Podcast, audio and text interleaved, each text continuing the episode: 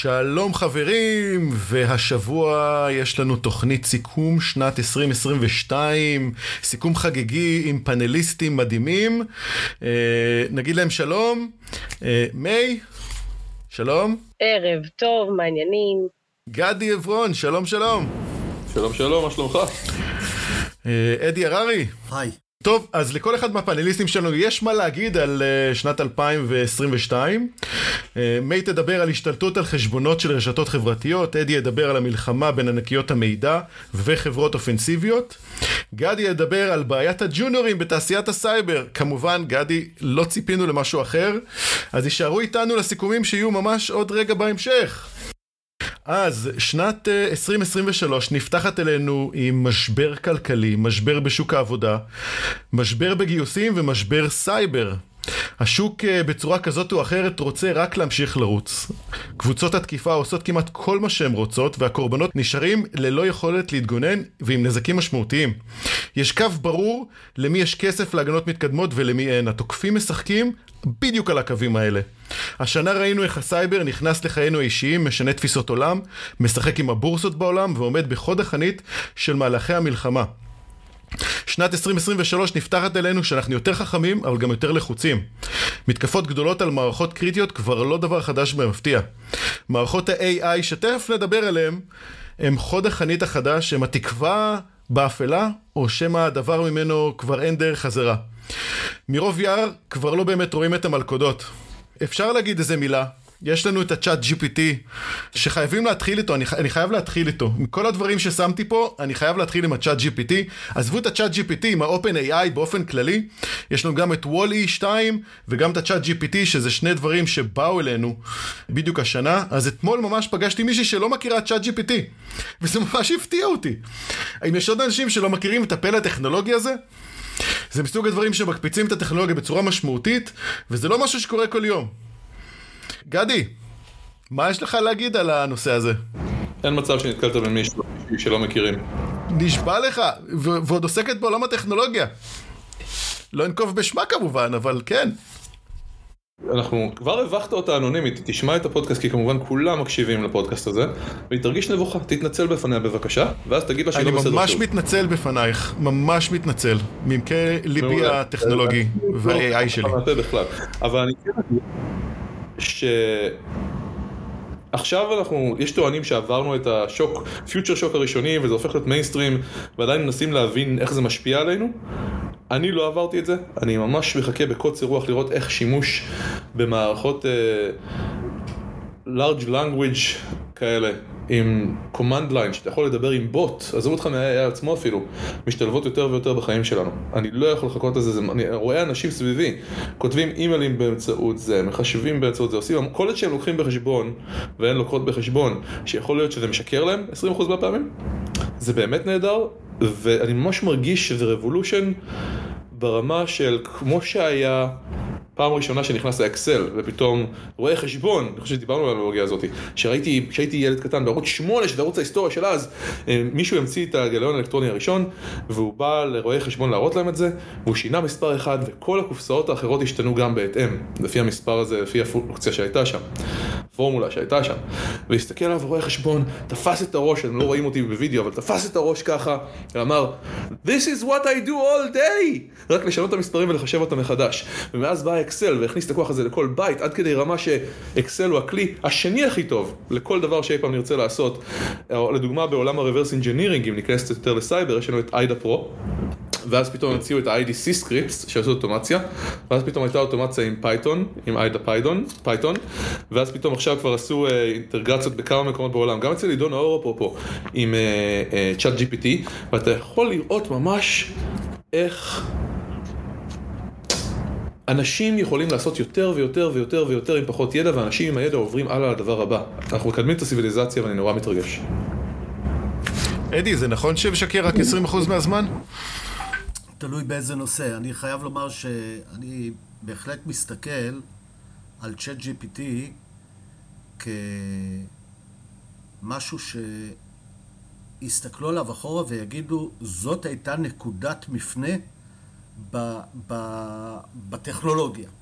ככה, ככה אני רואה את זה. אני חייב להגיד שהשימוש העיקרי שלי, האמת, בצ'אט GPT, ודווקא אתם אה, תופסים אותי ביום טוב, כי אתמול הייתי צריך לעשות משהו כזה, תכסיס קטן בפייתון, שאני לא בקיא יותר מדי בפייתון, זאת אומרת, אני מכיר, אבל לא, לא כותב באופן שוטף. אז uh, סינטקטית, ו- והיה לי כל מיני תקלות, ואני חייב להגיד לך שהצ'אט GPT סידר לי את הדרך בצורה פשוט מדהים. התשובות שהוא נתן לי על כל מיני ארורים שאני אומר לו, אבל יש לי את הארור הזה, והוא אומר לי, כנראה שאתה עושה ככה. ופשוט קיצור דרך מטורף. אני, כן, אני חושב שזה משנה, זה משהו שישנה מאוד את, ה, את החיים. אה, בתחום שלנו, אני יודע שלמפתחים ו, ואנשים שהם... כותבים כל היום, זה כבר אה, אמרו לי גם בגוגל, גם במקומות אחרים, שעכשיו מבקשים, אתה יודע, יושבים עם שתי מסכים, עכשיו מבקשים מסך שלישי כדי שצ'אט GPT תמיד יהיה פתוח עליו. שמעתי השבוע משהו מעניין בהקשר הזה, מנאור נרקיס, שמי שלא מכיר אותו שווה מאוד לעקוב אחריו, הוא, הוא לא איש סייבר, הוא פשוט אדם מאוד טכנולוגי, בכלל איש תוכן, מקים קהילות, מרים קהילות, באמת בן אדם משכמו ומעלה, והוא לראשונה מאז שנת 99 החליף את מסך הבית שלו. מ-99 עד 2022 זה היה גוגל. אז אני מודה שעוד לא החלפתי את גוגל עדיין בתור ההום פייג', אני מניחה שזה יקרה בתקופה הקרובה, קשה לי, קשיי גמילה קשים, אבל תכלס זה שינוי מטורף. זה, אני לא חושבת שאנחנו עוד יודעים להגיד האם זה יהיה הכלי המוביל, בואו, עברנו הרבה גלגולים עד שגוגל הגיע למה שהיא הגיעה, אבל אני כן חושבת שזה סנונית ראשונה אולי, מבחינתי לפחות, בתחושה שלי, של להפוך את זה למשהו שהוא קומודיטי, שכולם מבינים מה זה. גם אני מתחיל להשתמש בפונקציה הזאת בחיי היום-יום שלי. אה, יש לקוחות ששואלים אותי כל מיני שאלות, אה, שלפעמים התשובה היא טריוויאלית, אבל לשבת ולכתוב עכשיו את כל הטקסט הזה, זה, זה באמת עוזר, אני חייב להגיד. ואחד הדברים הכי מדהימים שקרו, לימדתי את אשתי, ופתחתי לה חשבון, ואמרתי לה תשתמשי בזה. והיא העבירה את זה לעובדת שלה, והעובדת שלה קצת לא יודעת אנגלית. אז היא הלכה וכתבה משפטים או שאלות בעברית, הלכה לגוגל טרנסלייט, הפכה את זה לאנגלית, שמה את זה paste שמה, לקחה את כל מה שהיא קיבלה כתשובה לגוגל טרנסלייט, וזה הפתיע גם אותה, אחרי שתי translate ים, אחורה וקדימה. אה, זה באמת משנה דברים, אנחנו מדברים על תעשיית הסייבר, אבל כל אחד לוקח את זה ממקום אחר. אני יכול להגיד לך שיש איזה מים אינטרנטי, שהוא... Uh... אף פעם לא תקפו אותו ככזה, אני רואה אותו כקצת שוביניסטי, אבל הוא חדור עמוק בעולם ה memes וה internet culture, שרואים אישה וגבר במיטה, והאישה מסתכלת עליו ואומרת, he's probably thinking about other women. בטח חושב על נשים אחרות. ואז תמיד ממציאים משהו מטופש להראות שהגבר מאוד טיפש, לשוביניסטי לשני הצדדים. ובדרך כלל כותבים שם משהו כמו uh, What is the average air uh, speed of African swallow או whatever שזה היה במונטי פייתון שאני קצת מתבייש בעצמי שאני לא זוכר את השאלה המדויקת כרגע מרוב העייפות, בושה וחרפה. והמים שקפצתי ממש אתמול היה You must be thinking about other women. והוא חושב, מה עוד אני יכול לשאול את הצ'אטבוט הזה? מה עוד? כי ההתלהבות מהטכנולוגיה כל כך מגניבה. לגמרי. נס בהמשך, מה יעשו איתה בהמשך מחוץ רק לשימוש הזה שהכרנו אותה? ממש מגניב. אני יכול להגיד שאני שאלתי את הצ'אטבוט על דברים כמו רפואה, סכרת בשביל אשתי, דברים לא קשורים בכלל, ותקשיבו, אה, זה נשמע הגיוני, זה נשמע בסדר.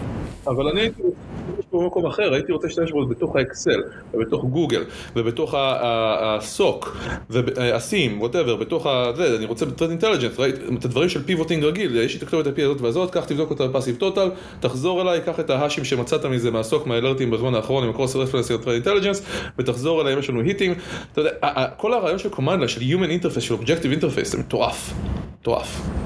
תאמר לי בבקשה, אה, רותם, למה היא הייתה צריכה לתרגם? עד כמה שאני זוכר, הצ'אט GPT מבין עברית. נכון שהוא מבין עברית, אבל uh, לא בצורה uh, יפה וחלקה. אנחנו עדיין, שפת הקודש היא עדיין שפה קשה. קשה שפה גם, ל, גם למחשבים, לא רק לאנשים.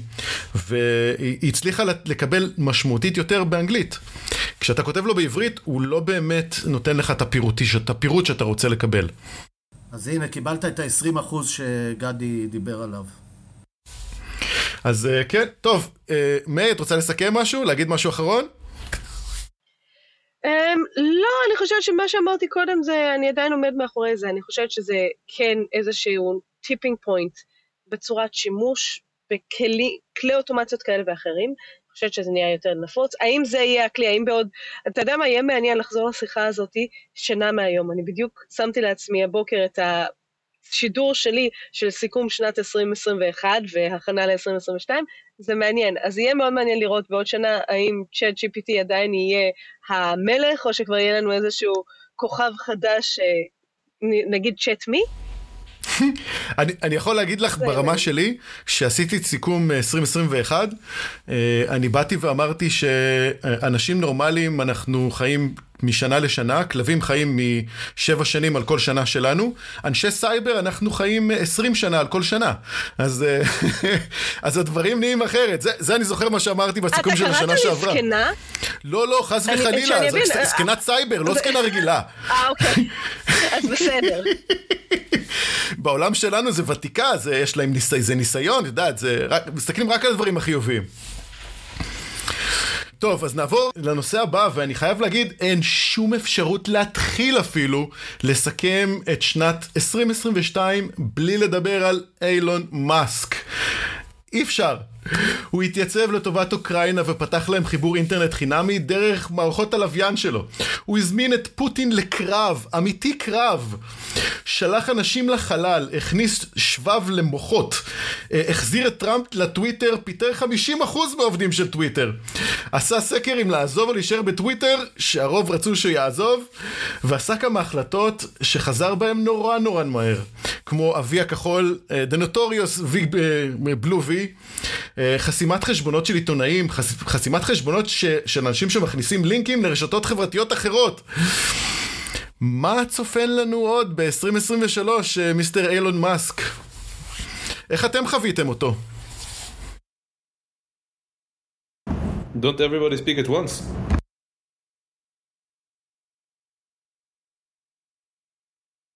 דווקא אהבתי את הבדיחה שלי, Don't everybody speak at once, אהבתי את השקט הזה באוויר שמדברים על אילון מאסק. אסור לדבר על אילון מאסק.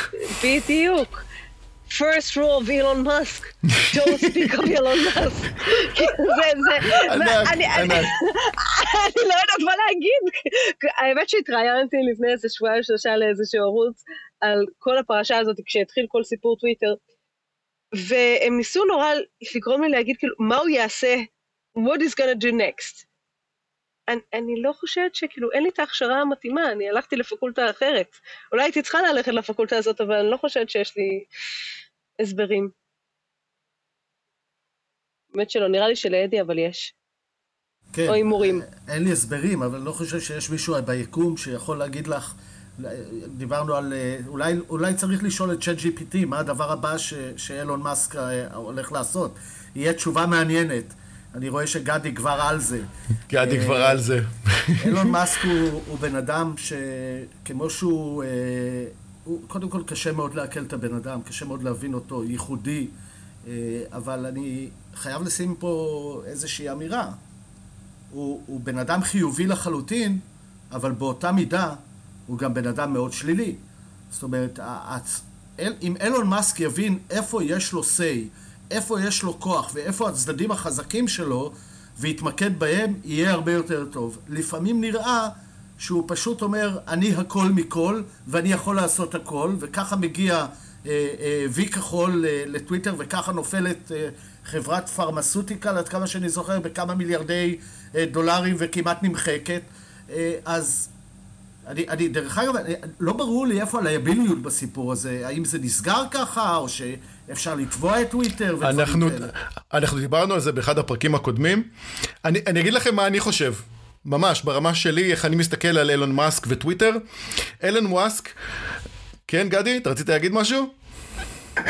אני, אני קצת, הלכתי לצ'אט GPT ברקע, נכנסתי, והתחלתי לשאול את צ'אט uh, GPT, ובטעות גם מצא לי capital letters, תדמיינו את זה בקפיטל letters בצעקות, What is Elon Musk going to do next? כתבתי מרק בטעות, אבל לא משנה. והתשובה כמובן הייתה, I'm sorry, but I'm an artificial intelligence language model. I do not have the ability to predict future plans and actions of specific individuals. My knowledge, blah blah blah blah blah. ואז השתמשתי בכמה טריקים כי סוגרים אותו כל הזמן ואמרתי ככה אחד are you able to show me שזה הצ'יט האחרון לעקוף את המגבלות של צ'אט GPT שהם מוסיפים כל הזמן לסגור אותו כן כי הוא יש לו הרבה אגו והוא רוצה להראות שהוא יכול ואז הלכתי לשיטה ישנה יותר what a character in a book לא רק שתראה לי אלא תחשוב שאתה בכלל איזה דמות בספר might say if he was to guess, זאת אומרת לא רק שאתה דמות בספר, לא רק שאתה יכול להראות לי, אלא גם ניחוש, כן?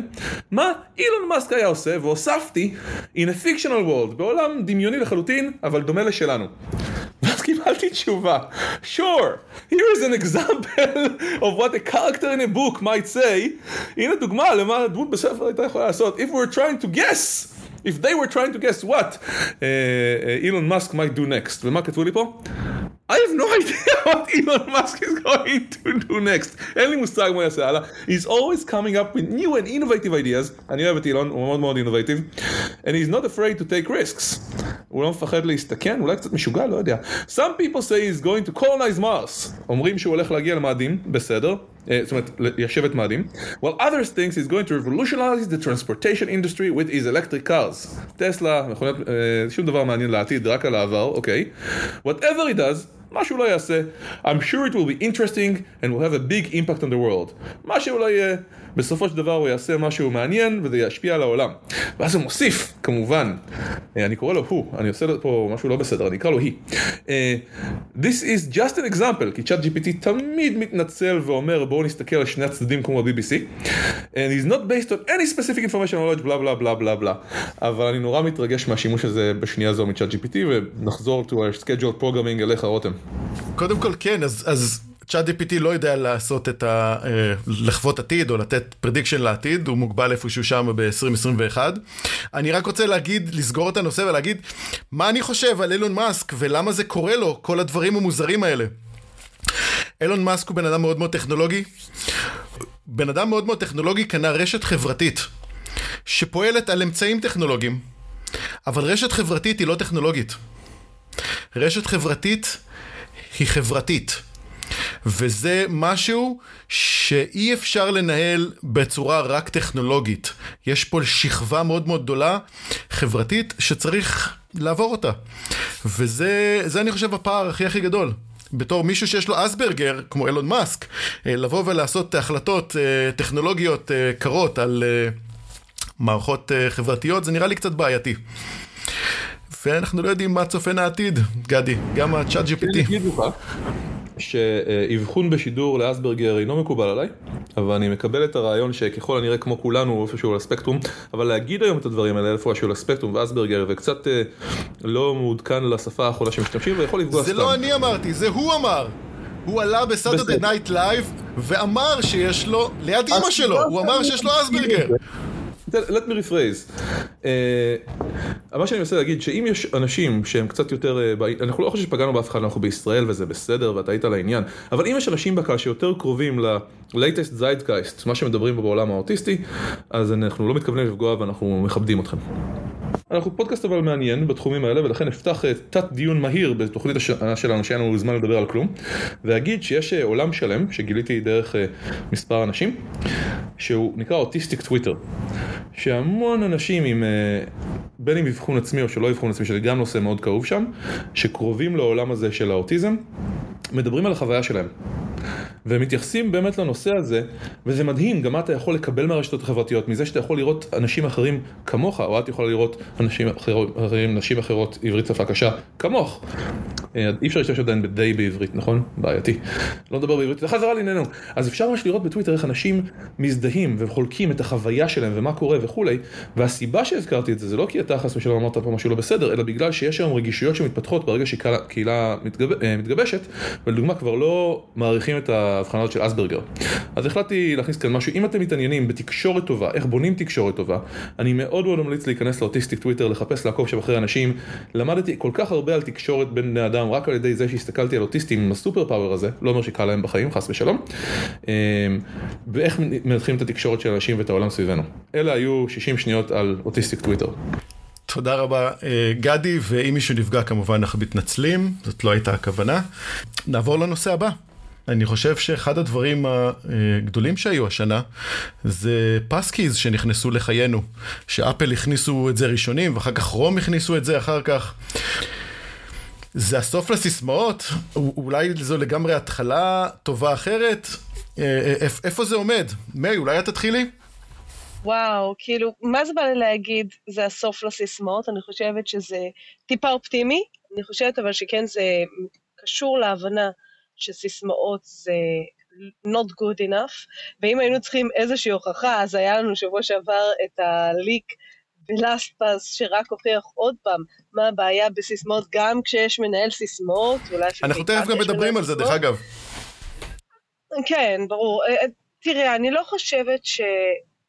אני חושבת שזה, כיוון, שזה התחלה בכיוון המאוד נכון. אני כן אישית מאמינה שגם הכלים האלה בסופו של דבר עתידם להיפרץ בדרך כזו או אחרת. אנחנו יודעים שזה מין מרוץ של חתול ועכבר, אני לא חושבת, וזה כבר קשור לנושא שנדבר עליו עוד מעט, אני לא חושבת שיהיה פתרון טכנולוגי אחד ויחיד שייתן לנו, שיהיה הסילבר בולט ויגן עלינו. אני כן חושבת שכאן אנחנו מורידים את המעמסה ממשתמש הקצה, וזה מבורך, כי כשזה אצל משתמש הקצה זה גם עניין של מודעות, גם הרבה האשמת הקורבן באיזשהו מקום, שמישהו נפל במתקפה ואנחנו מאשימים אותו, הסיסמה שלך לא הייתה מספיק חזקה. זה, זה נכון, וזו חוכמה שבדיעבד, ואף אחד לא אוהב את זה, אז אני כן חושבת שזה כיוון טוב, לא בטוחה שזה מה שיתפוס בסופו של דבר. אדי? תראה, במהלך השנים ראיתי כל כך הרבה ניסיונות להחליף את הסיסמאות. אחד הדברים ה... ש... שבאמת כאילו אה, הדהימו אותי, זה היה לפני איזה... ש... לא, לא זוכר מתי היה פלם פיילוט, אה, באזור שנות התשעים. וואי וואי, לאן אה, לקחת אותי עכשיו?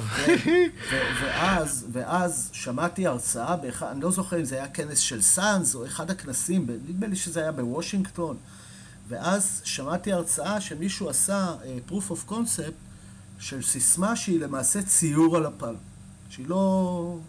והוא הוכיח למה זה יותר קשה, למה... יש, אה, למה ו, ו, ונתן טיעונים נורא נורא מדויקים, גם מבחינת איך לזכור את זה, גם למה זה הרבה יותר בטוח מטקסטואלי, למה, למה קשה לגנוב את זה, וכולי וכולי וכולי.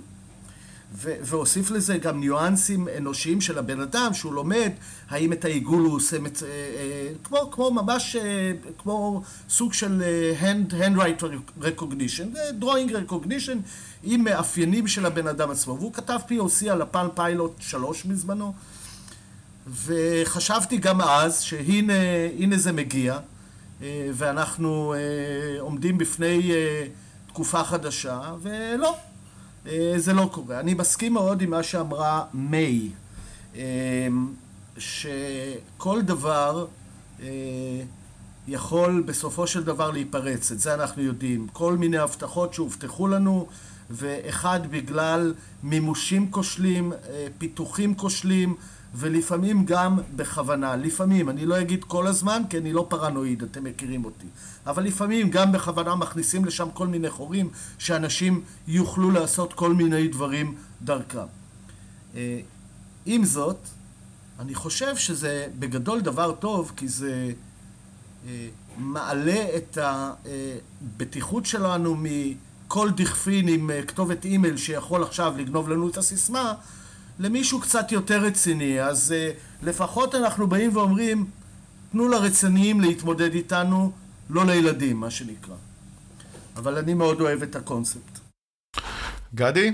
Uh, אני לא חושב שיש לי אי הסכמות או משהו להוסיף בנושא עצמו מיידית uh, מעבר למה שאדי ומי אמרו, כי בסופו של דבר לכולם ברור שפסוורד זה לא מספיק טוב. לכולם ברור שאנחנו צריכים לעשות משהו יותר טוב בעולם ולהשתפר. וכמו שאדי אמר, ראינו הרבה ניסיונות, ובסוף אנחנו עדיין משתמשים באסוורדים והם לא הולכים לשום מקום. אני, אני חושב שאחד הדברים הכי יפים בפתרון הזה שהוא לא חדש. אני, אני עשיתי לוגין אה, עם סרטיפיקציות ב-SSL לפני 20 שנה.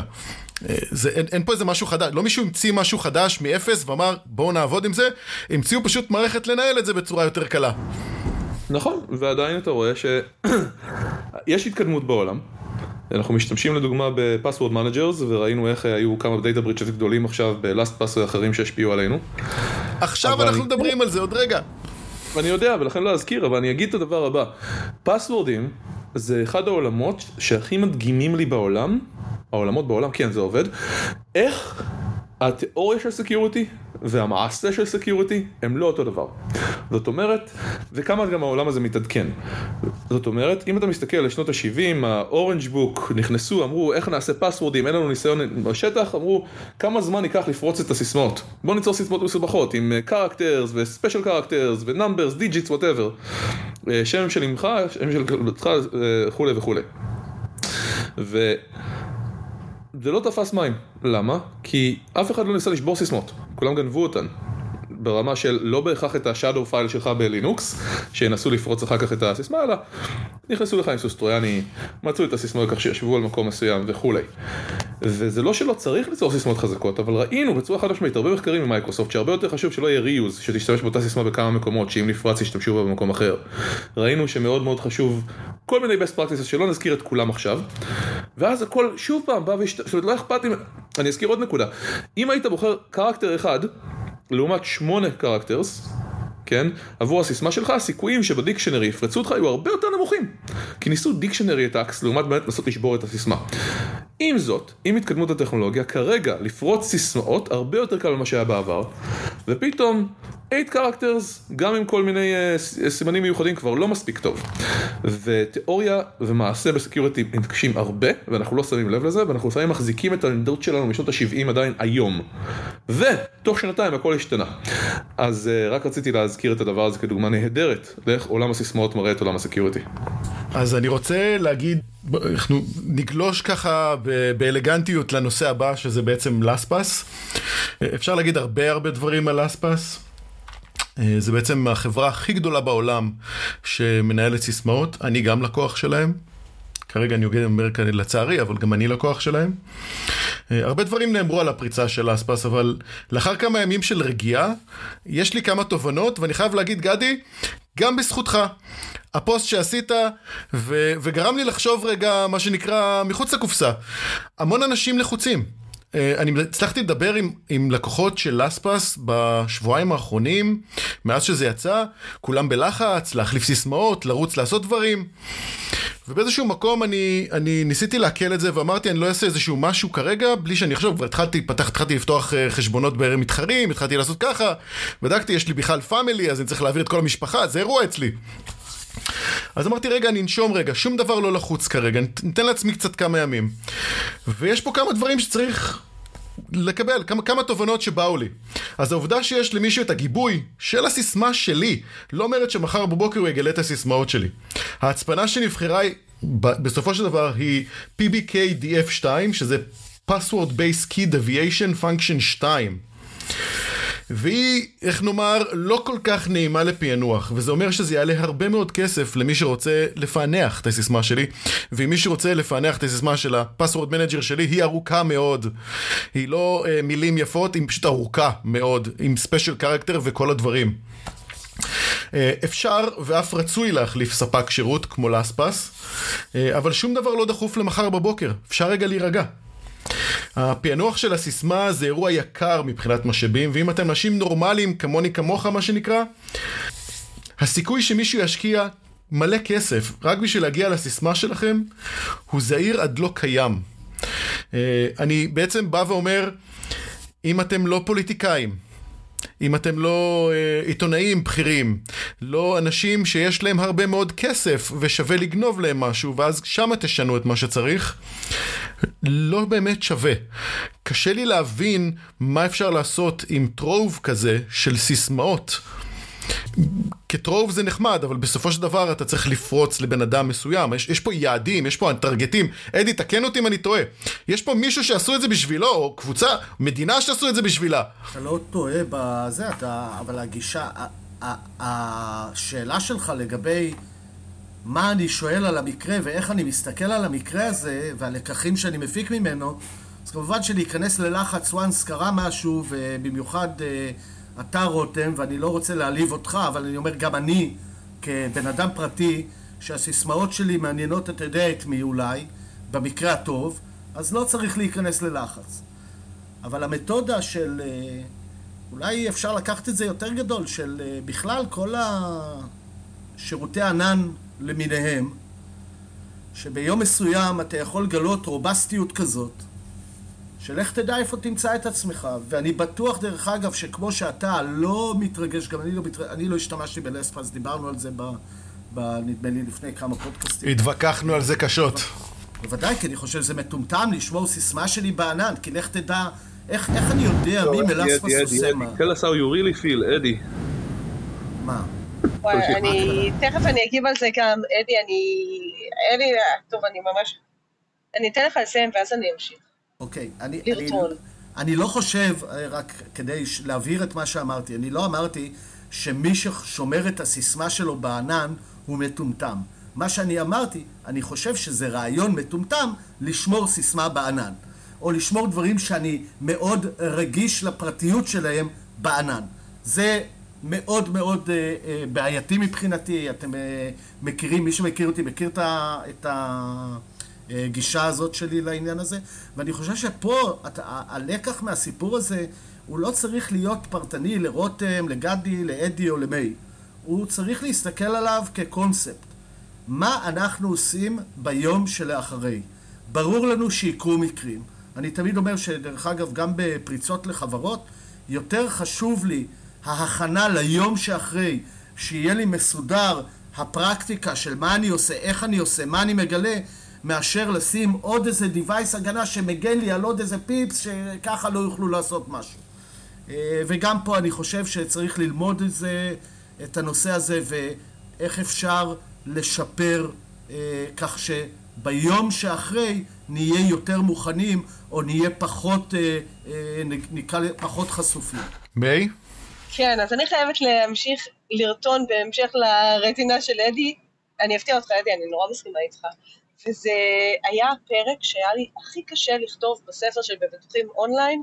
כשכתבתי את הפרק של מה עושים עם הסיסמה, זה באמת הפרק שאני חושבת ששכתבתי אותו הכי הרבה פעמים. כי אמרתי, וואלה, יש הבדל גדול בין מה שאני עושה בפרקטיקה האישית והאני מודה, קצת הרבה פרנואידית שלי, לבין מה שאני אליץ ל... איך בזמנו קראו לזה? שרה מבת ים? או לא זוכרת מה היה אז הדוגמה? לא, אז- אה, סימה כהן מחדרה, נדמה לי. כן. סימה כהן מחדרה, בדיוק. אז יש הבדל גדול. אני מודה, לי קשה עם פתרונות ניהול סיסמאות, לא משנה כרגע אם זה LastPass, OneLogin או כל אחד מהשירותים האחרים. קשה לי משני כיוונים. אחד, קשה לי בהקשר של מה שאדי אמר. קשה לי שסיסמת המאסטר שלי לא אצלי בעצם, נמצאת בענן, קשה לי עם זה. יותר מזה, קשה לי עם ה... כל הביצים בסל אחד. אני מודה, אני יודעת שזה פרנויה, אני, אני מודעת לזה.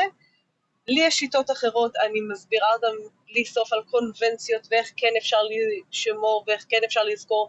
ואני, מבחינתי, אני לדוגמה מתייחסת לסיסמאות ה Gmail שלי והפייסבוק שלי כסיסמאות master לכל דבר, אני יותר סומכת עליהם בשירותים שהם יכולים לתת לי, וכן, יש שירותים. אם זה healthcare, אם זה כל שירותי הפיננסים שאני משתמשת בהם, אם זה הבנק, אם זה אה, הביטוחים וכולי, שוואלה, לא, לא סומכת על אף אחד אחר, סומכת עליי, ואם אני אשכח את הסיסמה, ויש סיכוי גבוה שאני אשכח את הסיסמה, ואני אשכח את הקונבנציה, ואני לא אזכור מה עשיתי, אז אני אאפה סיסמה, זה המקסימום שיכול לקרות. אז אני מודה, קשה לי עם הפתרונות ה-one stop shop האלה, למרות שסימה כהן מחדרה, אני עדיין ממליצה שיהיה מנהל סיסמאות כזה או אחר, רצוי עם אימות לכל מה שאפשר. לא, אמרנו, אין סילבר בולט, אבל we do what we can. אה, איך אפשר שלא להזכיר ברגע זה, ועוד רגע אני אגיד מה, מה הקשר מבחינתי, את uh, סיפור FTX, אוקיי? Uh, גם שם, אנשים שמשקיעים בכל מיני מטבעות כאלו ואחרים, לא משנה, כן טוב, לא טוב, עשו כסף, לא עשו כסף, זה לא מעניין. זה באמת לא מעניין. מה שמעניין זה, זה העובדה שבה אתה נותן את הגישה לכסף שלך, אוקיי? לגורם צעד שלישי, במקום להושיב אותו אצלך, ותראה מה קורה. אוקיי? תראה מה קורה, תראה מה קורה. אתה בא, אתה בא למשוך את הכסף ואין כסף. ועכשיו יש uh, את הסיפור עם המקבילה, עם בייננס, ש, שגם שם uh, טוענים למשיכות של מיליארדים וזה. אני חושב שבסוף זה עניין של חינוך של אנשים כיצד לפעול ולמה. יותר מאשר כיצד צריך להסביר להם גם למה זה חשוב.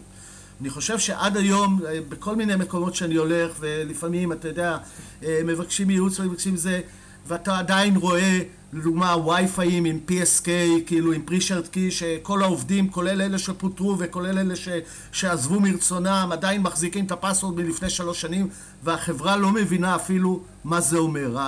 המנהלים אפילו לא מבינים מה זה אומר. אני חושב שיש פה עניין של חינוך. עכשיו, אני לא רוצה שיישמע מזה כאילו אני אומר, הענן הוא לא דבר טוב. הענן הוא, הוא, הוא פה, הוא פה בשביל להישאר, הוא קיים. השאלה, האם הוא טוב לכל שימוש או לא טוב לכל שימוש.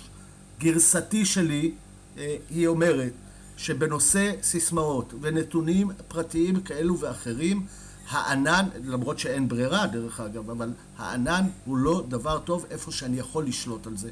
ובסיסמה, כמו בביטקוין, אני לא שומר את הנתונים שלי בענן. אז אני אגלה לכם... רק רגע, בביטקוין אין לי נתונים, אבל אה, לא הייתי שומר את זה. אוקיי, אז אני, אני אגלה לכם משהו. אני, אני משתמש בלאספס, לאספס הוא רוב, רוב האתרים שנמצא בהם, מה שנקרא day to day, שאני לא צריך uh, להתאמץ יותר מדי, וזה ממש ממש נוח. יש אתרים ויש דברים שאני בחיים לא אשים בלאספס. מהרגע שהתחלתי להיכנס ולעבוד עם לאספס, אני פשוט לא שמה. אני מסוג האנשים שהתחילו עם, uh, עם קיפס בכלל, מהראשונים ראשונים לפני 20 שנה בקיפס, אה, היה לי קובץ מאוד מאוד גדול ומשמעותי, סינכרונים ודברים, פשוט נמאס לי כל הזמן עם, ה, עם הדרך הזאת של הסינכרונים, זה פשוט לא עבד יפה, ועברתי ללאספס. אה, יש דברים שאני לא אשים בלאספס ובענן, והם תמיד יישארו מבחינתי בקיפס, עם הסיסמה הגדולה, עם ה-irritation שאני, שאני, שאני יכול לבחור כמה irritation שאני רוצה, שזה מיליון פלוס בשקט, שזה עולם אחר. אחר לגמרי. ויש דברים, כמו למשל, אה, החשבונות שלי שמנהלים את הדומיינים שבבעלותי, ושאני עוזר לאנשים אחרים גם עם דומיינים, זה אף פעם לא יהיה בלאספס. אין דרך חזרה מדבר כזה, אם מישהו גנב לך דומיין. גדי. אני קצת... אה... אני לא יכול להתווכח עם שום דבר שנאמר פה, ואני מאוד מסכים עם ה... הקונספטים שמי הזכירה והעצה הפרקטית שאדי נתן, אבל אני לא איתכם. אני אגיד שאני לא user רגיל מהשורה ולכן אין לקחת את עצתי לאיך שאני עובד כי לדוגמה הרבה מאוד שנים מתוך חצי עצלנות אה, הייתי פשוט משאיר את ה session עובד ב browser עד שהוא היה expired אחרי כמה חודשים ואז הייתי צריך לעשות password reset כדי להיכנס. לא בהכרח הדרך הנכונה אבל לא שמרתי את הסיסמאות בשום מקום למרות שהן שמורות באתר עצמו ואם פרצו עליו כמובן אפשר להיכנס וכולי ושיהיה וכן, כמו כולם, בשנות ה... אני לא אגיד כבר מתי, המוקדמות שלי יותר, שמרתי את זה על passwords.txt על ה desktop, גם אני עשיתי את זה. והיה בשנות ה-80, לא שהייתי כל כך בתחום, אז מישהו שנקרא דוקטור סולומון, היה לו Dr. Solomon's Antivirus. והוא תמיד אמר לאנשים, אני מעדיף, כנגד כל העצות, שתשמרו את הסיסמה שלכם על פתק בארנק, לעומת שהיא תהיה סיסמה יותר פשוטה.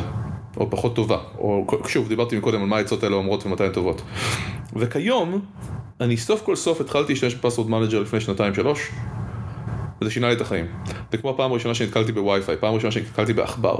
זה כל כך קל, זה כל כך טוב. כן, יהיו data breaches, כן, יהיו סיכונים. וכמו שאמרתם, אתה לא תשאיר שם את הביטקוין, אוקיי? אל תשאיר שם את ה master password שלך, בסדר? אבל אני אומר, אם זה עוזר, אם זה מקדם את זה של היוזרים, באמת בסופו של דבר יהיה קל יוכלו להשתמש באינטרנט בלי שהם יגידו, ah shit, ה security זה כל כך קשה, עזבו אתכם, נשתמש באותה סיסמה לכל המקומות. וזה גם secure ברמה מסוימת, יותר ממה שבמקום אחר, ובוא נגיד את האמת, די secure הסיפור הזה. לא את כולנו מחפש ה-NSA, או FSB, או כל דבר אחר. כן, תשתמשו ב password managers, זה טוב לכם, אין סיבה למה לא, במיוחד אם אף אחד לא מאיים עליכם אישית.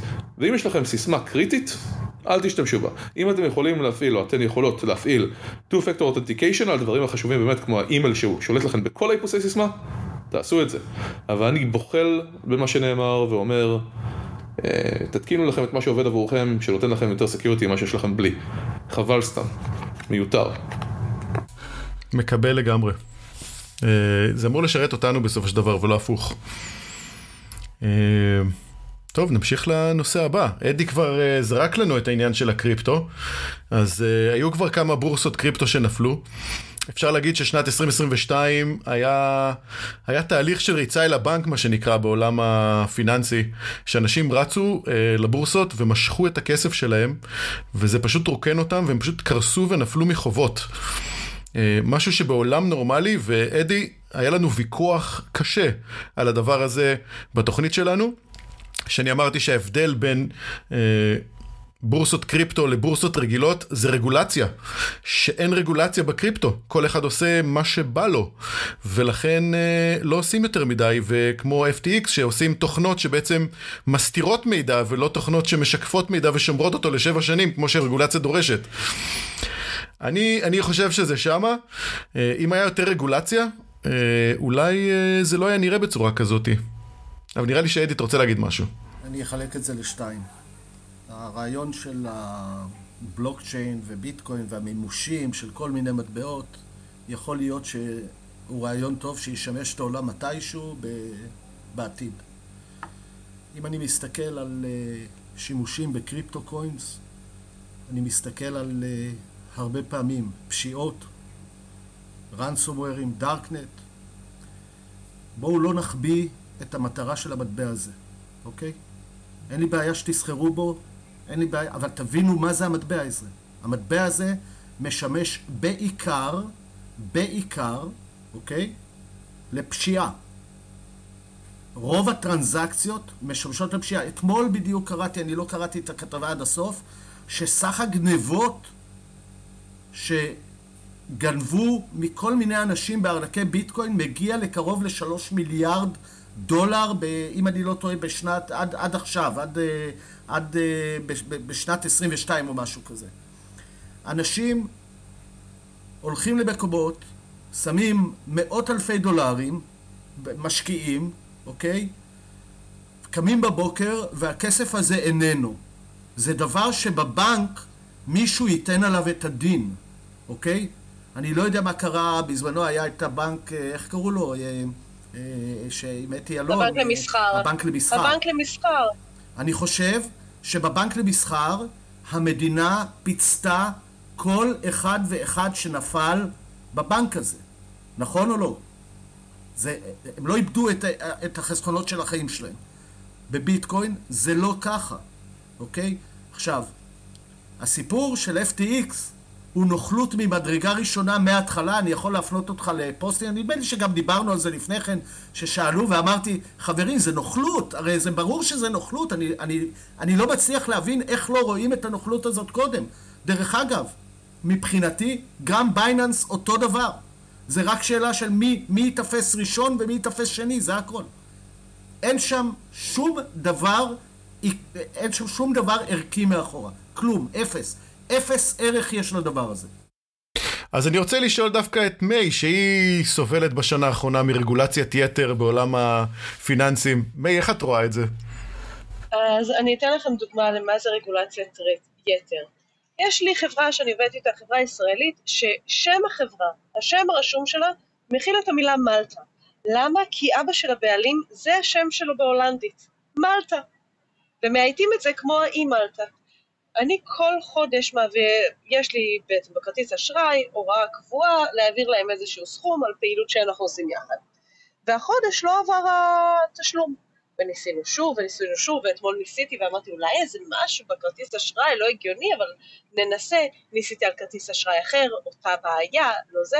התקשרתי לבנקאי שלי, אמרתי לו, אחי, מה הסיפור? כל חודש אני מעבירה, עכשיו לא, לא, את לא יכולה להעביר למלטה, זה הלבנות זה הלבנות כספים, אומרים לי באיחוד האמירויות. אבל, אבל זאת חברה ישראלית, זה לא במלטה. כל כן, חודש זה היה בסדר, אז כי קוראים כן, לזה מלטה, אה... ואם אני אקרא לעצמי לא יודעת מה... ואני חשבתי שרק לא בבנקים בישראל עושים את הבלגנים האלה.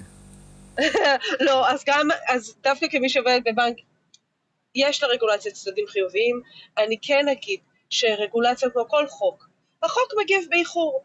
הטכנולוגיה הזאת, השימוש ב crypto currency וב exchange ים כאלה ואחרים וכולי, הוא יחסית חדש. ייקח זמן עד שהרגולטורים השונים, י...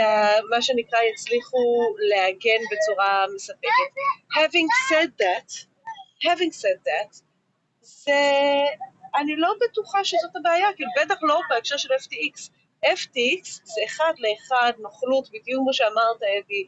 זה יכל לקרות בדיוק כמו מה שהיה עם איך קוראים לה, הולמס, בדיוק כמו מה שקרה באנרון, בדיוק כמו שקרה בבנק למסחר. זה לא קשור לרגולציה. כשאדם רוצה לעשות נוכלות ואדם רוצה לעשות הונאה, אז במקרה הזה ההונאה השתמשה בקריפטו קרנסי, אבל זה כאילו, מבחינתי, לא היה שום קשר לעובדה שזה קריפטו, זה פשוט מעשה נוכלות כמו כל מעשה נוכלות אחר.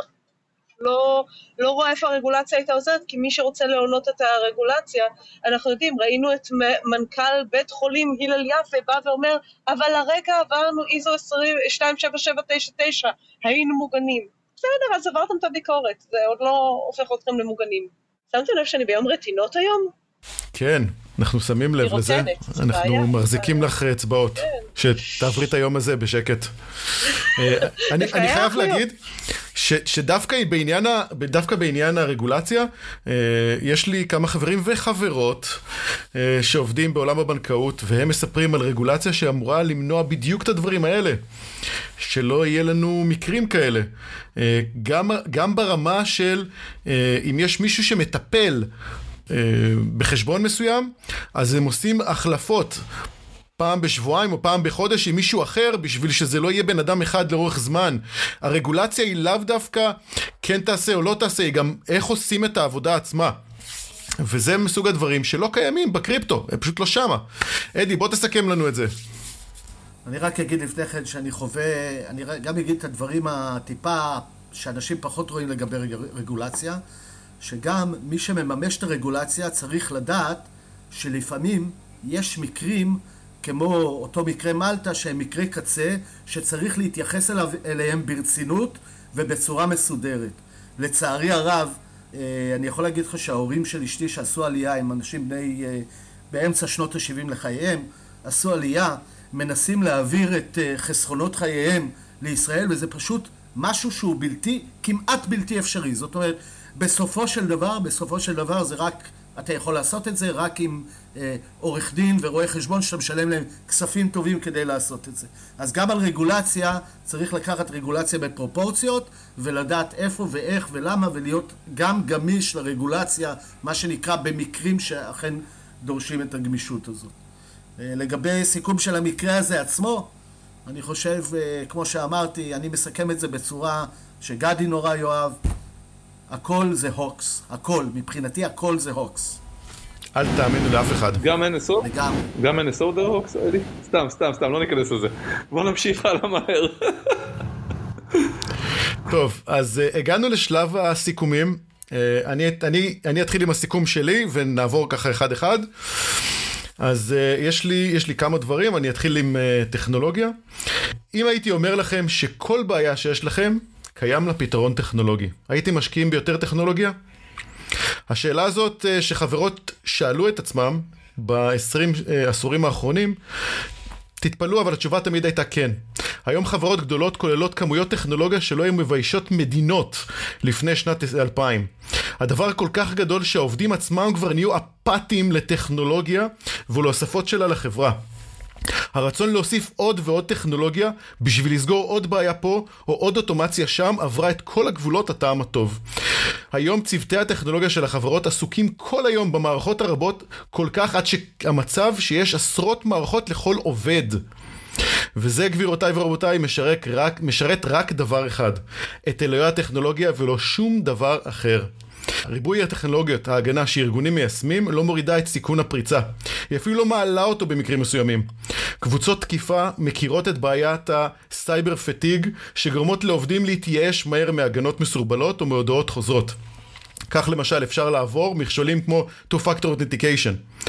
דוגמה קלה זה חוגרים של טים 82, אה, שמעת גדי? טים 82. אה, מצאו שרוב הוואפים Web Application Firewall, לא תומכים בפורמט הכי פופולרי היום בתעשייה, ג'ייסון. זה כבר נהיה כל כך פופולרי שכל מסדי הנתונים כבר תומכים בו. זה שאני כותב לך באמצע ההסבר לעומת אחר כך בדעות. קיים עדיין וואף בעולם? כן, כן, זה קיים. למה? סתם. כן, כן, כן, לגמרי. כן, זה קיים. תקשיבו. תקשיבו, זה ממש שמה. אז זה נהיה כל כך פופולרי שכל מסדי הנתונים כבר תומכים בג'ייסון, אבל השומר שלהם, הוואף, פשוט נשכח מאחורה. עכשיו זה פורסם, וחברות הוציאו בחגיגיות, ממש בחגיגיות, את העדכון הנדרש, אבל מי באמת ישקיע עשרות או עד מאות שעות עבודה רק בשביל להגדיר את זה? עובדי ה-IT והסייבר תשושים מכמויות המערכת, לא מספיקים לעשות משימות, ובסוף הבעיות מצטברות עד למצב של תקלות, התקפות והזנחה של משימות פשוטות. חברת פלו אלטו עשתה סקר בכירים ומצאה שבאזור אמאה, שזה האזור שלנו, יש בממוצע לכל ארגון יותר מ-37 כלי הגנת סייבר. שנה הבאה רוב הבכירים ענו שהתקציב יעלה, כמובן, והטכנולוגיה הבאה, הבאה בקנה, טה-טה-טה-טה-טה, מי שרוצה לנחש? זירו טראסט, עוד טכנולוגיה. אז לשנת 2023 הטיפ שלי הוא, תשקיעו בעובדים. קחו את התוספת שהולכים, שרוצים להוסיף, תשלחו אותם לקורסים מתאימים, תעשו להם סדנאות עבודה משותפת, והכי חשוב, תגדילו את הצוות שיתאים למשימת ולמשימות שיש תכלס לעשות. זה הסיכום שלי. רוצים להגיב עליו? לפני שנגיב עליו אני רוצה לקפוץ פנימה ולעשות uh, קצת צחוקים. וואף זה כן כלי משמעותי בעולם הסקיוריטי, ירדתי עליו קצת, הוא כן הביא לנו הגנות יפות, אבל עצם זה שיש טכנולוגיית בסיס בעולם הטכנולוגי בכלל, שקוראים לה JSON או XML או מה שלא תרצה מסביב לכל הטכנולוגיות האלה, והיא פשוטה. והיא באמת בסיס בכל דבר שקשור לווב ולהמון המון דברים אחרים, ב... לא יודע, המון שנים האחרונות. ו WAF לא אפילו טרח לעדכן זה רק אומר עד כמה אנחנו מסתמכים עליו היום, וזה ממש מדגיש עד כמה בגלל רגולציה או סטנדרטיזציה או compliance, אנחנו מוכנים לקנות כלים שלא יעשו עבורנו יותר מדי. יש יעילות ל WAF, אבל זה מראה הרבה. אני רק אומר לך שאתה יכול להיכנס היום לארגונים, לראות firewall ים או מערכות אבטחה שמישהו עדכן שם את החוקה לפני איזה 4-5 שנים, ה firmware ים מתעדכנים, ה update ים מתקבלים, אבל אף אחד לא מסתכל יותר על החוקה. אני חושב שאדי ירצה להגיב פה, אבל אני חייב עוד פעם להיכנס בחוצפה ולהגיד שלי יש דעה קיצונית בנושא. שלא מחזיקה מים כנגד מספר טיעוני נגד, שאם הייתי יכול להשקיע עכשיו כסף, הייתי נפטר מהאנטי-וירוסים, הייתי נפטר מה firewall ים, הייתי נפטר מכל הכלים האלה, שלא באמת עצרו לי התקפות, תלוי במי אני, מה אני וכולי, כן? אה, והייתי משקיע בדברים אחרים, אבל בגלל compliance ובגלל שהשוק שלנו רגיל לעבוד בצורה מסוימת, ובגלל שהסתכלו עלינו מוזר בצורה אחרת וכולי, אנחנו עדיין משתמשים בכלים ה useless האלה שכבר לא תופסים שום דבר ולא עושים שום דבר. תן דוגמה אחת למה היית משקיע. במקום פייר, עכשיו אתה דורש ממני, לה... אתה יודע מה, הייתי הולך במקום אחר. אחת. מאחר, למרות שהיום הייתי נותן תשובה אחרת, מאחר והסטארט-אפ שלי היה בתחום deception, הייתי משקיע ב cyber deception. בוא נמשיך הלאה. אוקיי. קיבלתי ולא קיבלתי ביחד. כל כך מסכימה עם גדי, אני מצטערת, כל כך מסכימה עם גדי. היה לי, יצא לי לשבת עם איזשהו, עם איזושהי חברה אמריקאית לא מזמן, והם דיברו על זה שאם זה היה תלוי בהם, הם היו כבר מזמן נפטרים מה-endpoint security, כאילו מהאנטיפירוס שלהם, ואמרתי להם, תקשיבו, אני מתה להיות זבוב על הקיר כשאתם מסבירים את זה לרגולטור שלכם. חברה גדולה וזה, אמרו לי, זה, וזו הסיבה שאנחנו משלמים כל שנה סכום מכובד על מוצר שבעצם אין בו שום צורך, שום תועלת, במקרה הספציפי שלהם כמובן. שמקדם את אלוהי הטכנולוגיה. שמקדם את החוק מגיב באיחור, זוכרים?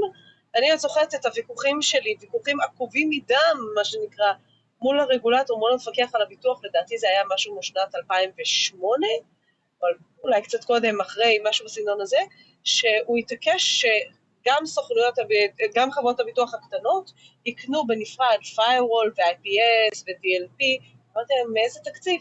על מה אתה מדבר? שיקנו all in one, אם זה פורטי, אם זה ג'וניפר דאז אה, וכולי, והם אמרו לא, אבל, אבל התכוונו בנפרד. כן, אבל בנפרד, רק תקציב הסקיוריטי, רק רשימת המכולת שנתתם לנו, תגרום לחברה הזאת לפשוט רגל, על מה אתם מדברים? למה? אז החוק מגיב באיחור. זהו, סיימתי, סיימתי לרצון לסעיף הזה. תודה. אני כבר לא מתחייבת היום. אני קוטע מהר רק כדי להגיד שאני נורא נורא רוצה לראות מה עצבן פה את אדי. כשהוא רוצה לדבר, קטעתי רק כדי להגיד כמה אני מחכה לתגובה שלו. אז אתה תתפלא. קודם כל אני מסכים עם מה שגדי אומר ומה שמי אומרת אה, במאה אחוז, רק לא בהקצנה הזאת, כדי שאנשים לא יחשבו שבאמת אתה יכול להסתדר לגמרי בלי firewall שיארגן לך את ה perimeter לדוגמה. רגע, רגע, אתה לא בטח כל כך מהר, למה לא? אם אני יכול להוציא לקטופ החוצה ולהגן עליו, ולהרגיש בנוח שהוא מחוץ ל perimeter הלא קיים שלי, או שאני יכול להשתמש עם טלפונים סלולריים, או שההתקפות שלי עוברות בין הרשת הפנימית, אה, בין אם היא flat לבין אם היא segmented, ללא שום קשר לכלום, כי הן יושבות על ה user עצמו ועוברות איתו, למה אני צריך את ה firewall הזה? למה אני צריך להשקיע את המיליונים האלה? אז אני אסביר. מכיוון שהאבטחה היא עניין של מעגלים, והמעגל הבסיסי הזה, אותו מעגל בסיסי, הוא אה, די דרוש ב perimeter. אז רגע, מה עושה פה תנועות שמבלבלות אותי? בקיצור... זה נשמע לא טוב. עושה תנועות של האם עדיין יש לנו מצאנו perimeter. שיטה לבלבל את אדי. כן, לגמרי. אני לא אסתכל על המסך. אה, מה שאני אומר זה שזה אחד המעגלים. אני מסכים לגמרי שכשמנהל אה, רשת או מנהל security או איך שלא תקרא לו, מביא את החברות במצעד, אחד אחרי השני, אין דבר יותר בזוי מזה לטעמי. אני רואה את האנשים, אני שומע אותם מדברים, לפעמים אני רואה אותם גם, ב, אתה יודע, בכנסים, ב mingling כזה, אני הבאתי ככה, אני הבאתי ככה, אני עשיתי ככה. תגיד לי, אתה עשית בכלל אבלואציה, מה זה תורם לך? אתה יודע בכלל על איזה איום זה עונה לך? אתה הרי מביא כדי להגיד לבוס שלך שבזבזת עוד 20 אלף דולר ואתה צריך עוד 70 אלף דולר לשנה הבאה. בגלל זה עשית את זה. ו, ולכן אני כן מסכים עם, עם מה שגדי ומי אומרים, שבואו נשים, רגע, יש דברים בסיסיים שדרושים, אחד, יש בסיס, ומעבר לבסיס הזה צריך להגיע עכשיו שיקול, אה, גם שיקול כלכלי, גם שיקול של איזה ריסק הוא פותר לי.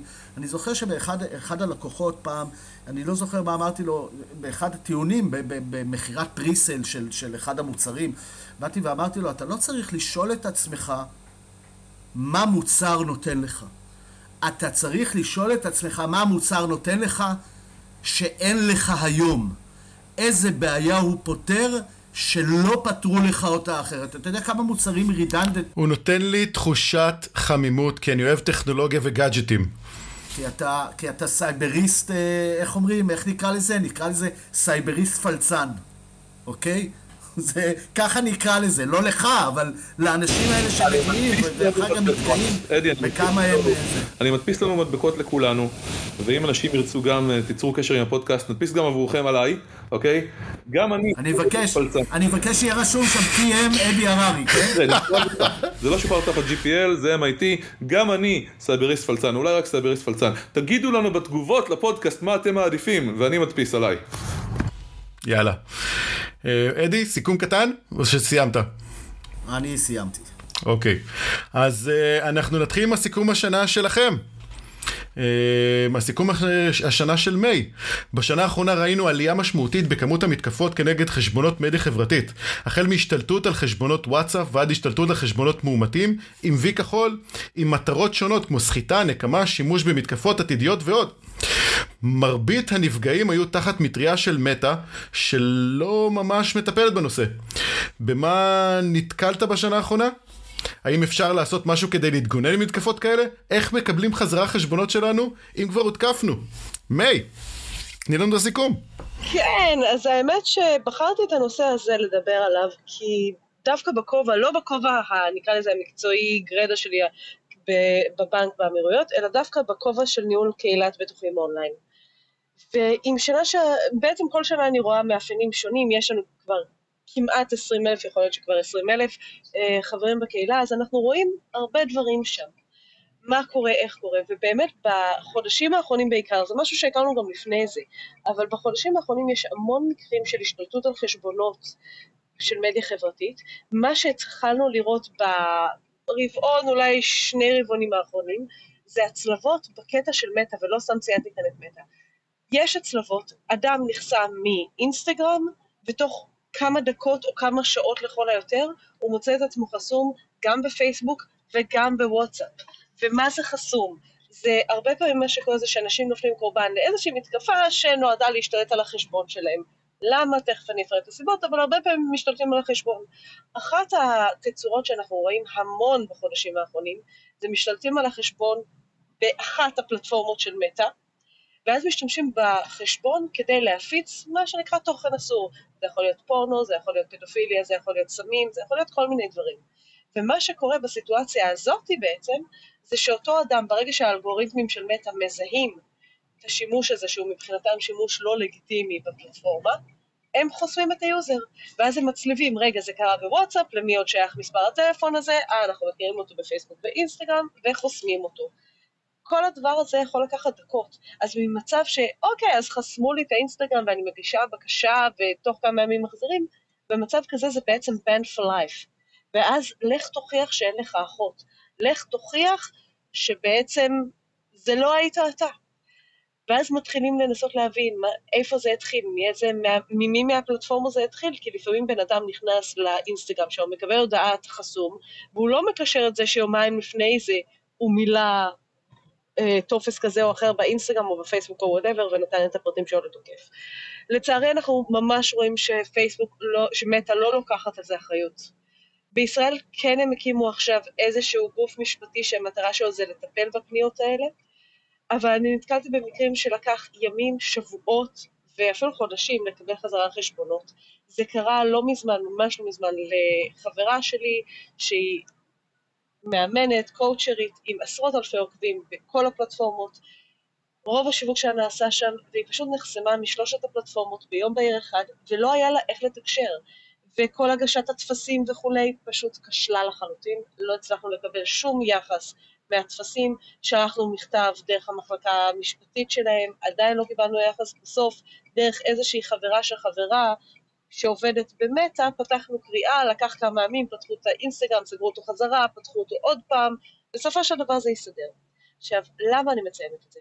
קודם כל, לכל מי שמאזין לנו שהוא הוא או מישהו שהוא מכיר, עצמאי, ומתבסס על הפלטפורמות האלה כפלטפורמות שיווקיות, כפלטפורמות לנהל דו-שיח עם הלקוחות, א', לקחת את זה בחשבון, לא לעולם חוסן, חייבים, חייבים, אם כבר דיברנו קודם, על לא להשאיר את כל הביצים בסל אחד, אז מבחינתי גם זה, וההמלצה של בעלי עסקים, זה אל תסתמכו רק על פייסבוק, אינסטגרם לשיווק, ואך ורק על וואטסאפ לתקשורת.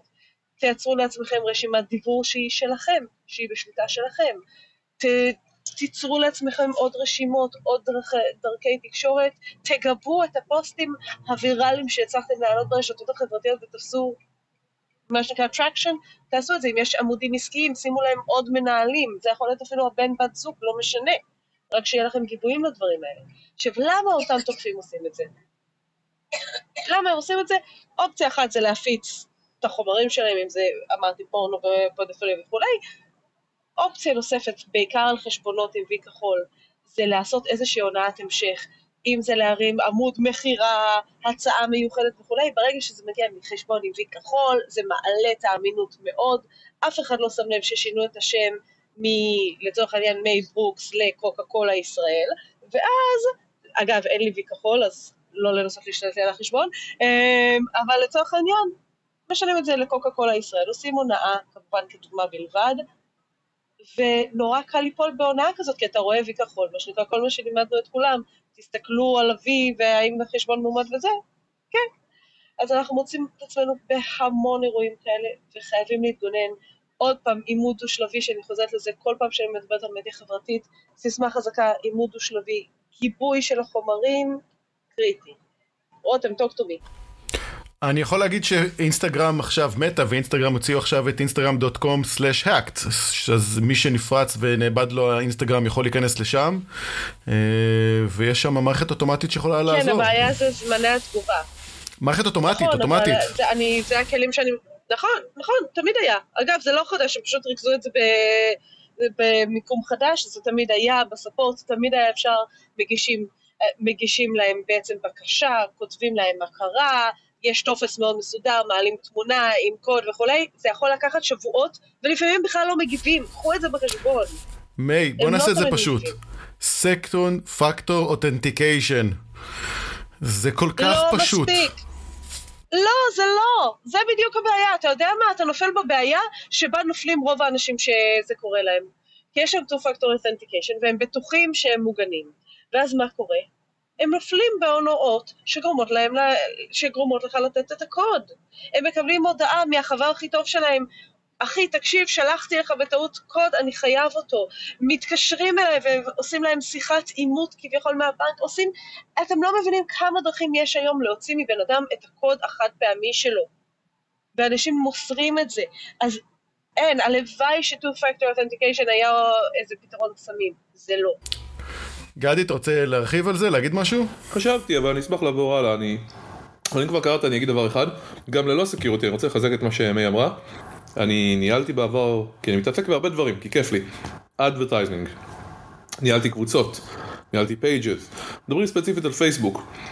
ואם איכשהו החליטו לנעול לך את החשבון, יש סיכוי שתקבל אותו, יש סיכוי שלא, ומאחר והרבה מהחיים שלי מתנהלים ב social media, זה לוקח לי את היכולת, זה מפחיד אותי, שאני אאבד יום אחד את היכולת להתנהל שם ואת כל הקפיטל של האנשים שאני מכיר והם הנטוורק שלי, ופייג' שאני בונה עם 70 אלף איש, וזה מפחיד מאוד, לא, גם ללא קשר לסקיורטי, שהכוח של החברות האלה על החיים שלנו, הוא גם שם. אין לך עם מי לדבר. מקבל, זה בעיה מובנת. מובנת. Uh, טוב, uh, גדי, בוא נעבור לסיכום השנה שלך. Uh, להיות ג'וניורים בתעשייה זה קשה. מלהבין מה ללמוד ואיזה משרות קיימות, ועד הניסיון הקשה למצוא את העבודה הראשונה. לא נתעסק הפעם באיך להיכנס לתעשייה, זה כבר הצלחת לעשות uh, את הגל שלך, אלא נסתכל על הבעיה עצמה ממבט על, ומה, ועל מי עושים ועל מה עושים כדי לשפר את המצב. אז אני שמח באמת לדבר על זה. ואני צריך להתחיל ולהגיד שכן, אנחנו לא ניתן פה עצות ממש איך להיכנס לתעשייה, ובנוסף, שבמקרה, כאן, בפורום הזה, יש את אדי ואת מיי, לא פחות ממומחים בתחום הזה. אולי גם יותר ממני. אז בזה שאני מדבר על זה נהדר, אבל אולי כדאי שנעשה באמת פרק ארוך יותר שבו נוכל לדבר על הנושא. That said, נתחיל. יש בעיה דו צדדית כפי שאני מזהה אותה, שמצד אחד ג'וניורים וג'וניוריות, אבל נקרא להם כרגע ג'וניוריות, למה לא? מתקשות מאוד, לא, אני לא אגיד מתקשות מאוד כי זה הופך את זה לנשים, זה בעיה בשפה העברית. אה, להגיד דוגמה, כשכתבתי מסמך 100 ימים לקריירה בסייבר, ניסיתי לכתוב אותו בלשון נקבה, שיניתי נושא, אני מבזבז זמן, אבל לא נורא. כי אמרתי, למה לא? לא לכתוב אותו בלשון נקבה. אני לא מספיק טוב בלכתוב בעברית, על מנת לעשות את זה טוב, אבל התאמצתי. וניסיתי כל מיני שיטות, נקודות, פסיקים, רבים, עתיד, מה שלא תרצה, אבל הסיבה שבסופו של דבר ויתרתי על לשון נקבה, זה כי אם אני כותב משפט כמו אנשים רבים מתקשים במתמטיקה, הוא אומר דבר אחד. אם אני כותב נשים רבות מתקשות במתמטיקה, הוא אומר דבר אחר לחלוטין שלא התכוונתי אליו, והוא מאוד בעייתי. אז אני אחזור למשפט, יש challenge אמיתי לג'וניורים להיכנס לתעשייה. זה יכול לקחת שבוע, זה יכול לקחת שנתיים עד שאנשים ימצאו את העבודה הראשונה שלהם, וזה כואב, זה באמת באמת כואב. מצד שני, חברות, ויש משרות ג'וניורים, לא צריך להגיד שלא, לא בהכרח רוצות ומחפשות לפתוח משרות ג'וניורים. הן מחפשות את האנשים שכבר יודעים את העבודה, שאפשר לסמוך עליהם, שלא צריך ללמד אותם. בנוסף, אפילו אם יפתחו משרד ג'וניור, ולא יהיה להם את הדרך, להן פה, חברות, עברית, שפה קשה, את הדרך באמת לעשות כאן מנטורינג, אפשר לסגור את הג'וניורים למקום שבו הם ילמדו רק דבר אחד ולא יוכלו להתפתח. נושא מאוד מסובך. ונתקלתי, באמת נכנסתי לעומק של הנושא, עזרתי לאורך השנים להרבה אנשים, אבל לא כמו מיי ואדי שעושים את זה שנים, נכנסתי במקום אחר.